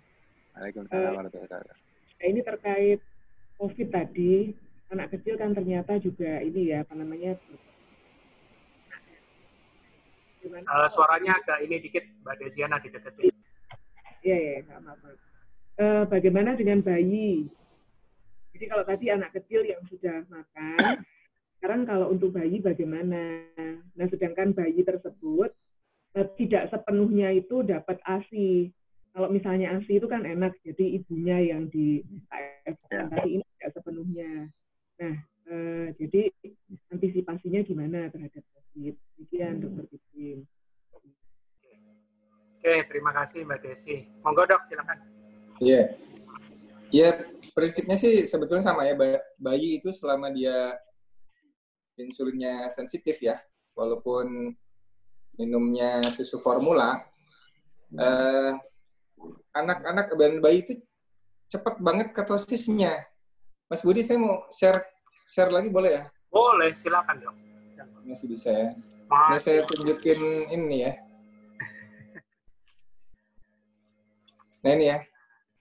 Ini coba lihat ya bayi itu cepat banget ketosis. Ini ketosis itu batasnya 0,5 nih di sini ya. Ini di atas ini, kadar keton di atas 0,5 ya. Ini udah, ini ke atas ini udah ketosis ya. Ketosis. Nah, bayi itu cepat banget nih. Ini bayi baru lahir, itu eh, puasa berapa jam nih? Dua jam, tiga jam itu udah udah ketonnya udah tinggi gitu. Makanya kan kalau bayi bayi itu baru lahir ya, bayi baru lahir itu kan bisa dua kali 24 jam, nggak usah dikasih sufor, nungguin asinya cukup ya, nunggu asi cukup ya. Itu kenapa? Karena dia ada lemak coklatnya yeah. itu, ya, ada lemak brown fatnya itu yang bisa bikin ketonnya itu. Jadi dari lahir, nah, anak bayi juga sama nih bayi infant itu sampai setahun ya eh, setahun lebih nih ini anak-anak. Ini baru puasa 4 jam aja anak-anak itu udah ketosis sebetulnya. Ketonnya udah banyak ya. Nih anak 6 sampai 8 tahun juga nih. Nah kalau dewasa nih agak double nih agak dia butuh 16 jam gitu ya baru optimal nih ketosisnya gitu. Jadi eh, benar tadi yang diungkapkan Mas bahwa apa namanya anak memang nggak perlu puasa wong nggak makan sebentar aja dia udah ketosis gitu nah hmm. bayi bagaimana eh bayi tadi itu bayi tiga jam nggak nyusu ya frekuensi nyusunya tiga jam itu sudah ketosis jadi ketosis enggak ketosis enggak jadi switchnya gampang aja gitu metabolismenya masih fleksibel oleh karena itu sebetulnya bayi yang nggak ada komorbid apa-apa insya Allah dia akan oke-oke aja gitu. Ya, di RSCM juga ada bayi yang apa OTG gitu ya. Tapi ya nggak nggak ada gejala apa-apa, nggak ada gejala apa-apa. Kecuali nih kalau dia ada leukemia atau ada uh, metabolic syndrome yang lain. Kalau bayinya oke-oke aja, insya Allah ya, insya Allah uh, dia nggak bakal berat. Ya. Saya kira itu Mas Bri. Iya, uh, maaf, uh, boleh ini nggak? Boleh boleh dilanjutkan? Boleh, silakan Mbak Desi kalau masih kurang. Tadinya saya berpikir begini, dok. Tadinya saya berpikir begini. Ini eh, kalau, kalau saya kan sudah lama KF-nya, sudah 4 tahun dengan suami, dengan anak saya. Nah ini ada anggota baru di kami, gitu kan. Nah tadinya saya berpikir begini, ibunya ini kan tidak bisa sepenuhnya memberikan ASI. Nah, dalam artian kuantitas, gitu kan. Tapi bayangan saya kalau ibunya ini aslinya kualitasnya itu ditingkatkan dengan KF, nah sehingga eh, ASI yang diberikan walaupun tidak sepenuhnya itu apakah menjadi bagus lantas dengan mengkf-kan ibunya gitu kan. Walaupun separuh sufor gitu. Tadinya saya berpikir begitu. Kalau kira-kira demikian itu relevan nggak dok atau mungkin Mas Dio? Kalau dari aku nih ya, ya oh, iya. sorry. Ya. Ya, hmm. oke. Okay. Jadi iya. sebenarnya uh, uh, kalau busui di KF yang mereka rasakan perbedaannya, makanya aku bilang busui di KF itu kebanyakan lapor ke aku, asinya pertama nggak sebanyak waktu dia masih karbo. Hmm. Nah, tapi lebih kental. Artinya hmm. unsur unsur proteinnya lebih tinggi. Hmm. Jadi jadi dia nggak nggak kalau dulu banyak tapi encer sekarang dia lebih kental, lebih berkualitas lah ini jumlah asi, apa kepadatan asinya itu perbedaannya itu cuma perbedaannya cuma itu doang. Maksudnya bukan berarti bukan berarti ibunya ketosis ketonnya dikirim lewat asi enggak. Jangan kepikiran gitu, oh jadi anaknya ikut ketosis enggak. Anaknya bisa anak bayinya ketosis itu seperti jalurnya seperti yang dibilang Mas Pipim tadi, bukan dari ASI. ASI itu cuma sumber nutrisi. Ya. Hmm. Tapi ASI juga sumber sumber uh, passive immunity. Jadi kayak kayak hmm. dikasih IgA-nya dari dari ibunya sebelum dia sebelum dia mature terutama terutama kalau bayi itu lemahnya di usus ususnya masih masih masih masih rentan makanya dia butuh IgA dari ibunya untuk untuk uh, imunitas ususnya bagus ya pencernaannya ya. Itu makanya ASI itu makanan terbaik bagi anak itu seperti itu. Jadi usahakan sebagai sebisa mungkin ibunya meningkatkan kualitas asinya dengan nah, makanan yang dengan, dengan makanan yang bergizi. Nah yeah. kan tadi pertanyaan uh, takut kenapa kenapa aku yang mau nanya balik kenapa harus pakai sufor? Apa nggak ada ASI sama sekali atau memang takut kurang sehingga ditambahkan sufor? Iya, uh, kemarin sempat pada waktu habis ini melahirkan ternyata uh, drop-dropnya itu cukup jauh gitu loh. Jadi sampai sampai de, apa deteksi dokternya itu agak dehidrasi. Jadi akhirnya memang perlu intervensi. Ibunya. Iya, maksudnya si bayinya ini karena memang oh, bayinya. Eh, kuantitasnya itu kurang. Kurang, oke. Okay. Nah, yang saya khawatirkan itu imunitas bayinya itu kan kurang nih. Ya. Nah. Ya, kalau aku sarankan kalau sufor kalau sufor itu kan biasanya ada ada gulanya, yeah. karbonya. Ya. Bahan baku sufor itu sebetulnya whey. Hmm. Ya, whey whey. Jadi gini, whey protein itu bahan baku dasar untuk orang bikin susu formula. Nah, whey-nya sendiri itu rendah karbo. Yeah. Jadi bisa kalau mau bikin sufor mendingan sufor sendiri aja. Jangan beli yang pabrikan yang mereka yang udah dicampur apa-apa itu itu unsur karbohidratnya lebih tinggi. Jadi mendingan whey protein tapi lebih diencer nggak. Jadi minum whey proteinnya nggak whey proteinnya nggak nggak sekental orang dewasa tapi lebih encer komposisinya sehingga rasio proteinnya cukup untuk anak karena yang dibutuhkan untuk anak itu proteinnya. Whey whey-nya bisa ditambahkan unsur misalnya mau apa untuk unsur lemaknya bisa macam-macam. Bikin bikin formulasi sendiri tapi tanpa ada karbonnya karena basicnya sama whey. Sama itu ditambahin ditambahin inulin apa apa gitu biasa kayak gitu. Cuman cuman kalau aku sarankan sih tetap ngejar di asinya kalau iya. memang yeah. memang untuk ngejar untuk nutrisinya takut kurang uh, whey aja whey diencerin apa apa buat buat hmm. nutrisinya dia. Tapi jangan tapi jangan jangan sufor yang tinggi gula. Karena apa? eh, malah nggak bagus nanti buat bayinya. Kalau kalau kalau yang karena aku lihat formula susu formula sekarang itu karbohidratnya tinggi serem, banget kok belakang bilang ya serem-serem gitu loh. Makanya makanya kayak malah ada malah ada salah satu orang salah satu anak leukemia tuh yang nggak bisa lepas dari susu apa tuh UHT hmm. maunya UHT nggak mau makan mau UHT karena udah terbiasa kan dia kayak kecanduan gulanya. Oh nggak apa-apa nggak makan. Dan herannya tuh dokter ada dokter aku juga nggak mau bilang di Darmais ini malah di Darmais kok malah UHT dibiarkan. Padahal hmm. UHT ini malah malah apa ya? Malah nggak bagus ya UHT itu. Jadi jadi kebanyakan anak-anak leukemia itu kadang-kadang udah udah mereka pakai eh, udah mereka pakai apa steroid udah mereka moon face tambah tambah parah lagi adalah UHT itu. Jadi dia maunya UHT terus itu kayak itu, itu jadi jadi kayak tren di dalam aku juga heran tuh nggak tahu kenapa. Aku bilang begitu. Pokoknya kalau mereka ada salah satu dan mereka ketemu aku aku langsung suruh ganti ganti way ini ini untuk anak-anak yang sudah bukan bukan menyusui ya tapi kalau yang menyusui akal-akalannya bisa dengan whey, tapi tetap kejar asinya. Paling bagus asi kalau bisa kayak kayak Alif. Alif dua tahun, malah hampir tiga hmm. tahun, asinya susah nyopot. tapi tapi tapi tapi insya Allah kalau asinya paling makin panjang asinya, makin imunnya makin bagus. Misalnya, iya, misalnya itu itu kuncinya. Tapi untuk akal-akalannya sementara bisa seperti itu. Nah ini baru nih bikin susu sufor dari whey ini baru. Ya ini Boleh. ya ya pokoknya gini karena karena itu itu basic ingredientnya basic ingredientnya hmm. tapi tapi nggak ketinggian laktosanya.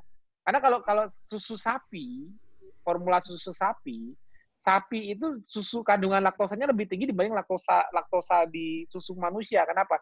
Karena sapi gini anak anak sapi anak sapi begitu begitu dia nyusu dia nggak lama seminggu dua minggu anak sapi udah jalan lari-larian.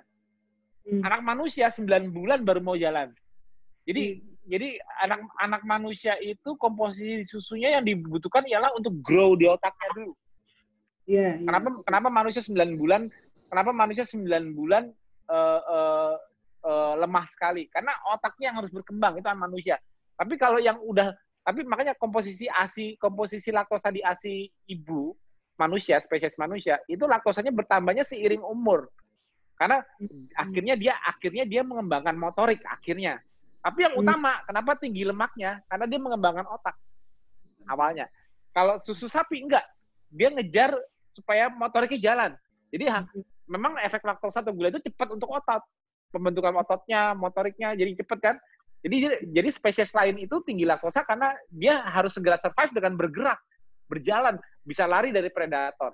Manusia enggak. Manusia kalau mau selamat, otaknya harus sempurna. Makanya manusia kebanyakan tidur. Makanya komposisi ASI ibu itu paling sempurna. Kelihatan laktosanya itu enggak langsung tinggi. Malah paling awal laktosanya paling sedikit. Hanya untuk imunnya dulu kolostrum itu. Nah, oh iya. Sorry. Whey atau kolostrum. Nah, kalau kolostrum kan rendah karbohidrat. Nah, itu kalau mau buat akal-akalan ya, untuk untuk bantu hmm. imunitas, tapi tetap kejar ASI, tapi kalau mau ngakalin sementara supaya nggak dehidrasi dan sebagainya, iya. kombinasi antara whey dengan kolostrum itu bagus kalau dapat, tapi murni ya, bukan kolostrum yang dicampur skim ya. Nah itu terus diencerin pakai air, jadi nggak terlalu nggak terlalu kental seperti orang dewasa dosisnya nggak nggak satu nggak dua scoop whey kayak orang mau ngejim, jangan. Ini anak-anak komposisi karena karena kan whey itu konsentrat proteinnya terlalu tinggi 90% isolat, makanya dikurangin. Nah, gitu. Oke, sip. Mantap. Cukup ya Mbak Desi? ya cukup uh, sebetulnya gini ini informasi sih sebetulnya ibunya ini ibunya si bayi itu hmm. sebetulnya ada langka sih namanya LDS syndrome apa sindrom LDS LDS sindrom itu Oh yang ya. eh, apa jaringan ikat itu loh. Ya, Jadi- dipodis ya. Ya, jadi jadi pada waktu hamil itu sebetulnya resiko tinggi sehingga ditangani dokter di harapan kita itu fetal maternal, dokter tim gitu kan. Nah, alhamdulillah lancar. Tapi sebetulnya kabar baiknya begini, selama hamil itu walaupun nggak keto, itu kita ini apa namanya kita iniin dengan protein hewani gitu loh.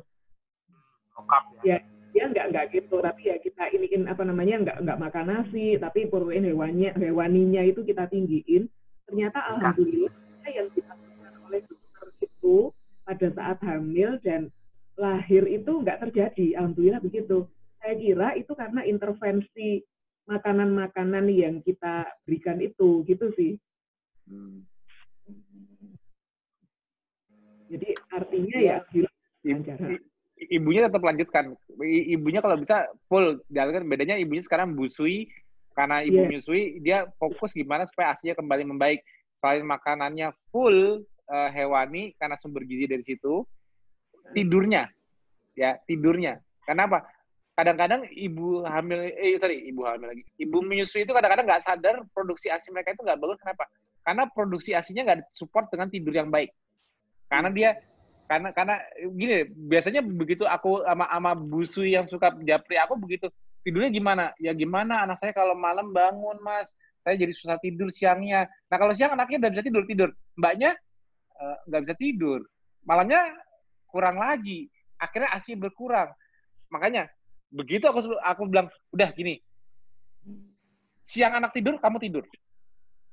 Jadi makan tidur. Makan tidur jadi jadi kalau kalau malam bangun karena anaknya mau nyusu apa apa ikutin bangun. Tapi anaknya tidur, kamu juga tidur.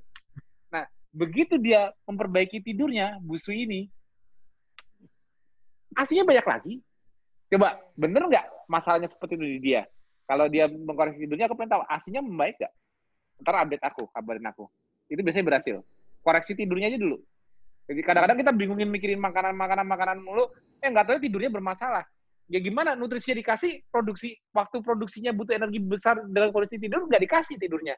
Ya it- itu salah. satu penghambat. Nah makanya makanya jangan terlalu terpaku, terpaku dengan makanan. Coba lihat faktor pendukung untuk produksi asinya gimana. Jalan nggak? Gitu loh. Mbak coba cek ke orangnya ke, ke anaknya. Sama stres, stres. Ya stres Sama juga. stres. Iya benar-benar ya ya stres karena benar orang Mikirin. dari yang yang busui yang japri aku tuh udah ratusan. Jadi udah aku udah tahu masalah-masalahnya dari mulai ya mereka stres, ada busui yang GERD. Nah itu juga Ah, gangguan gangguan asinya. Jadi kalau pertama kali nanya, aku nanya makan apa mas, makan apa? Ya makannya sama. Berapa banyak saya harus makan berapa banyak? Mereka udah makan banyak-banyak gini-gini tetap terganggu. Tapi mereka kadang-kadang suka nggak nggak nggak nggak kepikiran faktor-faktor lain. Yang eh, kalau stres benar. Tapi yang hampir 70% dari masalah ASI ini tidur. Kenapa? Malamnya mereka kebangun itu wajar karena Ya. ada naik. Tapi siangnya mereka nggak balas karena siangnya mereka nggak ditebus karena karena anaknya tidur baru mereka ngerja yang lain apa apa apa. Padahal padahal ritme anak yang sudah diikutin ritme Ya. anak. Anak tidur ya setelah kita tidur juga jangan kita malah sibuk ini Jadi yang karena malam nanti malam kamu nggak tidur lagi. Kalau dia bangun gitu loh. Jadi, jadi kita harus ini tuh- ini ini 70% yang yang ngadu ke aku seperti itu dan aku kasih solusi seperti itu alhamdulillah aslinya membaik. Makanya makanya sebelum lari jauh-jauh coba hal-hal kecil kita nggak sadar tapi itu bisa bisa jadi penyebabnya. Coba deh. Sama ini mas, kasih sayang suami. Rebutan nggak boleh rebutan asi Oke, thank you Mbak Desiana ya. Ah, ini eh, pertanyaan berikut aku bacakan, tapi ini eh, sudah di luar sedikit dari eh, ruang lingkup anak, tapi masih kaitan sama KF ya.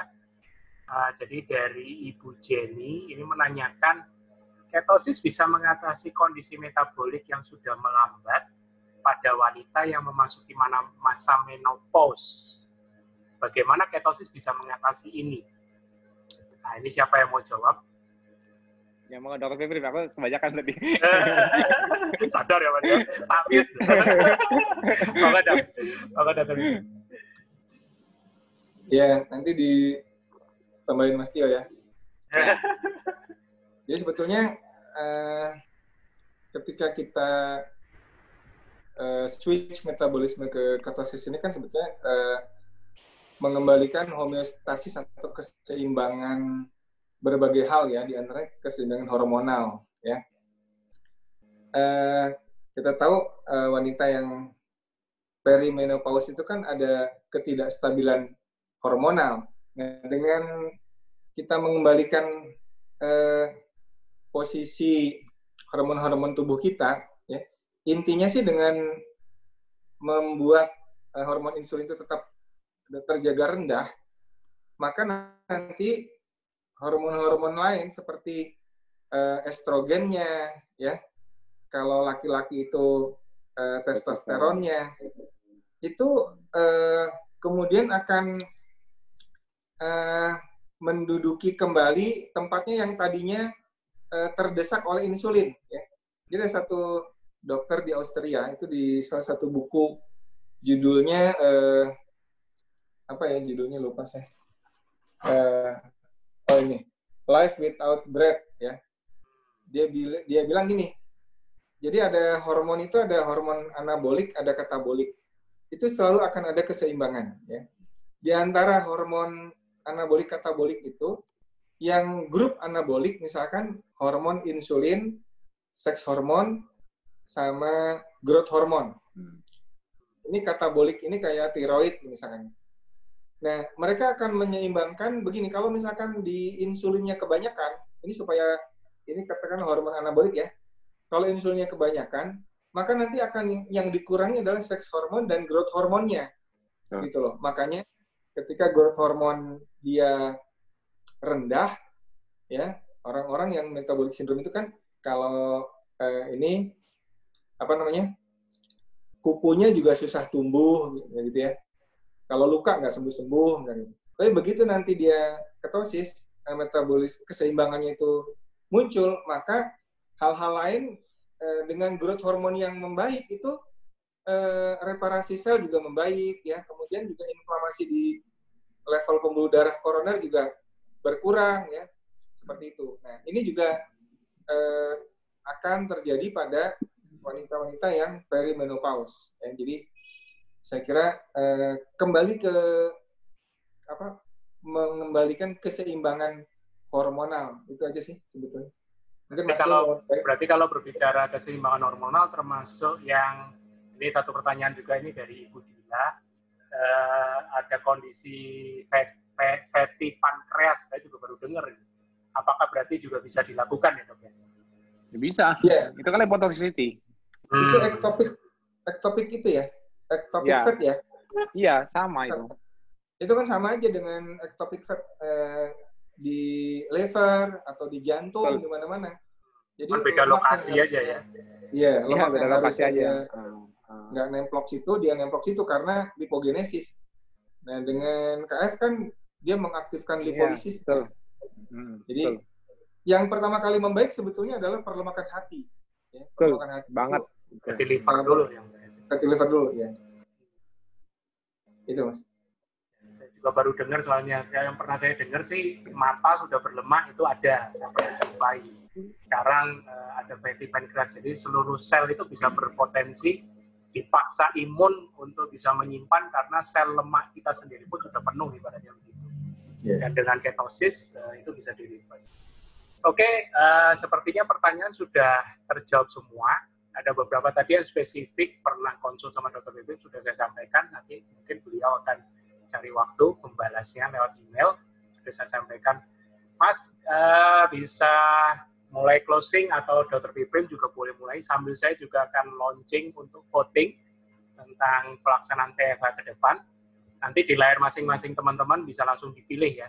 Jadi sambil beliau uh, dari Dr. Piprim atau Mas Tio memberikan closing statement, launching akan uh, voting akan saya launch. Monggo. Oke. Okay. Ya, ya betul kata Dr. Piprim tadi. Aku setuju yang anabolik betul yang mengenai mengenai anabolik anabolik dan katabolik hormon itu memang itu suatu homeostasis. Makanya eh, orang sekarang, Mas eh, kayak kemarin di grup nakes Mas Chandra itu juga pernah nanya, kenapa kalau kalau HGH itu malah meningkat di kondisi puasa. Puasa itu kan sifatnya kalau panjang itu kan kenapa kalau kalau kita puasa panjang HGH-nya malah naik tinggi? Kenapa? Karena itu menyimbangkan insulin yang turun. Itu namanya. Jadi jadi hormon anabolik itu tidak boleh hilang. Hormon anabolik itu tidak boleh. Oh, kalau kalau kita puasa berarti katabolik terus terus kalau kalau full katabolisme itu malah buruk. Jadi harus ada negatif feedbacknya. Salah satunya penyeimbangnya ya yang dibilang Mas Betul tadi benar. Salah, salah satu growth hormonnya naik, yaitu apa? HGH, contohnya di kondisi puasa. Sama, kalau orang yang mengalami hiperinsulinemia terus menerus uh, kondisi metabolic syndrome, itu insulin yang tinggi itu justru membuat mereka kayak, contohnya ya, mohon maaf, lemah syahwat, testosteronnya turun, pasti karena karena penyimbangan itu itu gangguan. Ya sama juga pakai PCOS dan sebagainya itu, itu kan memang kan apa? Nah jadi jadi memang menyimbang jadi dengan kondisi ketosis itu walaupun orang-orang sering puasa on ketosis itu kesannya kesannya katabolik. Orang-orang kalau nggak ngerti oh katabolik terus menerus akhirnya jelek. Salah hormon anabolik yang sehat itu yang bakal menyeimbangkan. Jadi jadi kayak kayak ada makanya aku bilang tubuh manusia itu mesin paling terpintar. Kita challenge sesuatu dia menyimbangkan lagi. Challenge sesuatu menyimbangkan di challenge virus dia berusaha berusaha melawan balik challenge dengan kondisi tanpa makanan dia berusaha beradaptasi. Sem semua itu dikasih challenge-nya. Jadi jadi jadi kondisi ketosis itu malah aku bilang ketosis yang sebenarnya ya karena facial ketosis itu justru memberikan tantangan ke tubuh untuk tubuh adapt dengan kondisi.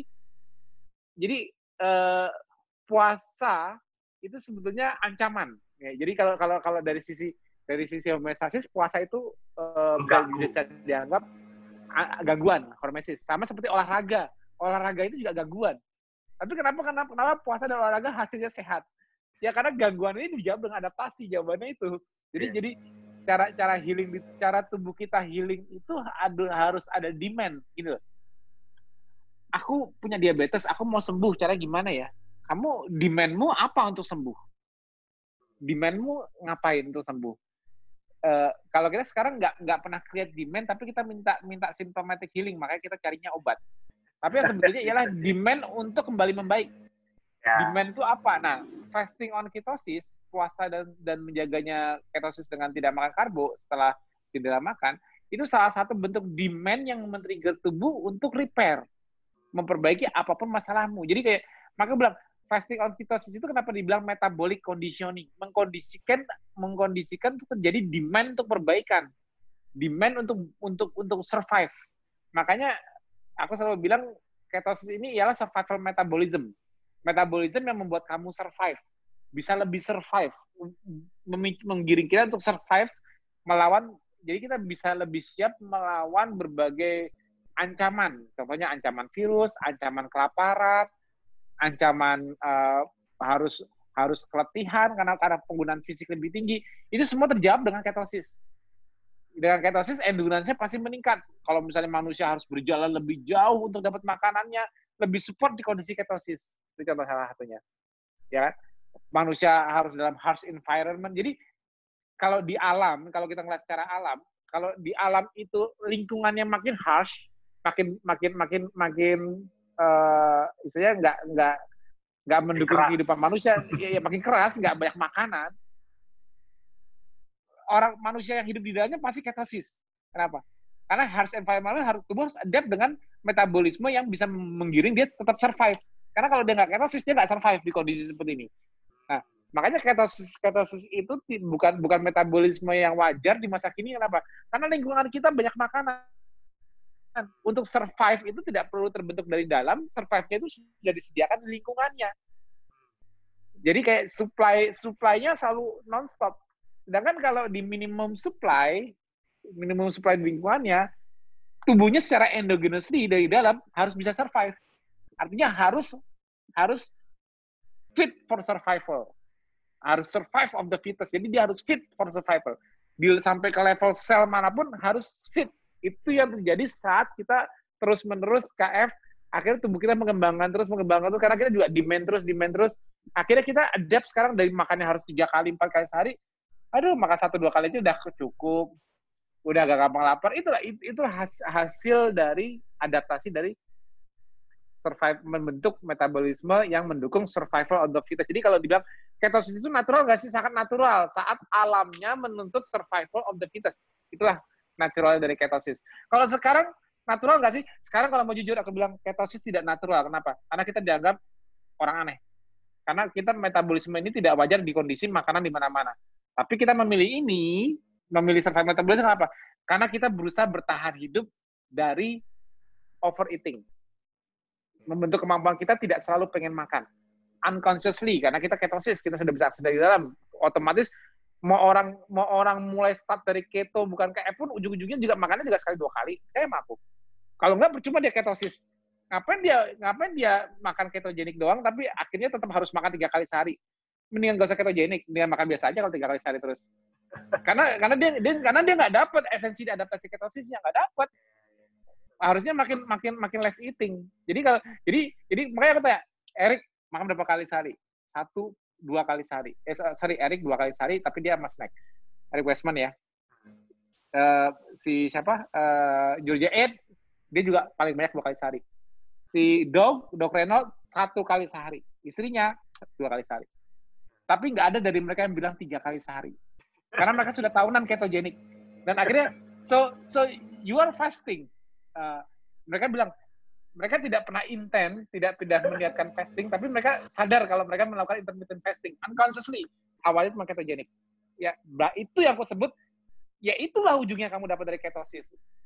KF hanya memperjelas di awal karena akhirnya kamu adaptnya ke fasting, bukan apa sih ketosis? Ketosis itu cuma metabolisme di mana ada keton, selesai.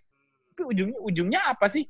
Ujungnya kamu less eating. Itu fasting healingnya healingnya the real healing itu di fastingnya Betul banget. Namanya.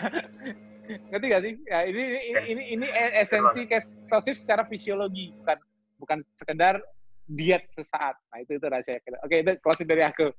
Sekarang masih. Bangga, kata Bim.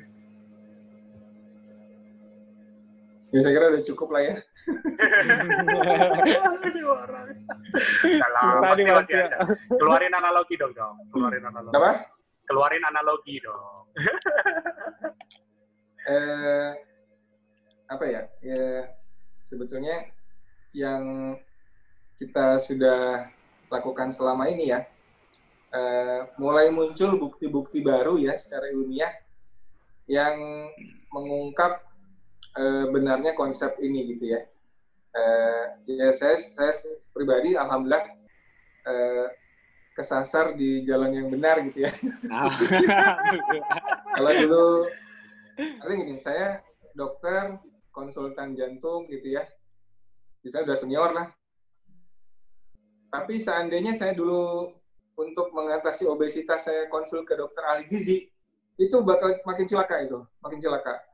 Ya untungnya kok ketemu dengan teman-teman yang eh, senior saya bahkan dokter psikiater yang ngajarin tentang pola KF ini ya. Dan karena kita kemudian baca, satu hal yang mungkin juga perlu di, ini kan ada gini, itu kan ada ungkapan ya, lihat apa yang diomongin, jangan lihat siapa yang ngomong, gitu kan. Eh, barusan ada teman saya bilang, itu kok eh, Mas Tio itu ngomong segala macam gitu ya. Dia baru gabung di sini. Emang dia dokter? Saya bilang dia bukan dokter tapi lebih pintar dari dokter. Nah, belajarnya otodidak dan sangat mendalam. Kalau dokter kan belajarnya kadang-kadang ngejar IPK ya.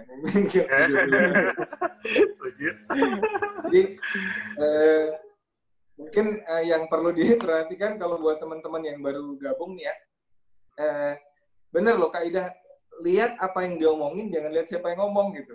Lihat dulu, dengerin dulu, terus coba cari tahu, belajar ini betul yang diomongin gitu. Ya, jangan kita sudah merasa kalau istilah Quran itu istagna, istagna itu merasa cukup. Nah ini penyakit nih kalau kita udah merasa pintar, merasa cukup ya. Ah lu siapa sih gitu, lu, lu dokter juga bukan gitu. udah selesai itu tertutup lah. Uh, ilmu itu tertutup. Ya. Jadi karena kebenaran itu akan menemukan jalannya sendiri. Jadi yes eh, kebenaran itu makin lama akan terungkap. Jadi nggak usah nggak usah terlalu galau ya.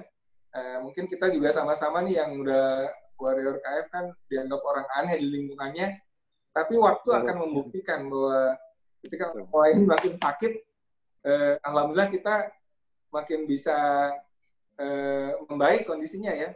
Dan bahkan ketika orang panik dengan pandemi segala macam, ya kita sih santai-santai aja. Bukan kita nantangin ya, tapi insya Allah kita sudah tahu apa yang harus kita lakukan ya. Hanya kan khawatirnya kadang-kadang ya kan jadi karier lah segala macam gitu. ya, ya, sudah banyak tadi Mas Dia. Terima kasih atas kesempatan mengisi uh, ya, ini. aku makasih juga nih Mas Pipim berkesempatan nih.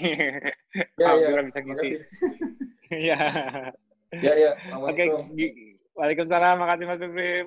Oke, terima kasih untuk uh, waktunya dan juga partisipasi teman-teman di voting itu sudah aku share. Jadi rata-rata minta dua kali dalam seminggu, Mas. Oke, okay, siap. Bisa bisa dipilih harinya kita kita diskusi internal dengan uh, ya. tim penulis uh, metabolic conditioning ya. Dua ya, kali dalam seminggu. Ini bisa mewakili sudah dari 100 kita tadi cukup oke okay nih 100 kuota peserta hadir terpenuhi. Nah, walaupun sempat turun sampai ke 80 terakhir ini 77, tapi itu sudah membuktikan bahwa antusiasmenya masih tinggi. Ya. Alhamdulillah. Oke, uh, sekarang saya sudah cukup ya Mas ya. Kita pas jam ya, mas. 10 nah. lewat 06. Jadi okay. uh, eh, terima kasih untuk semuanya. Ya, uh, kita jumpa lagi di edisi Talk Show from Home uh, hari berikutnya. Ya. Tunggu pengumuman dari uh, kita semua ya. Selamat okay. malam. Selamat malam semua. Terima kasih yang sudah datang.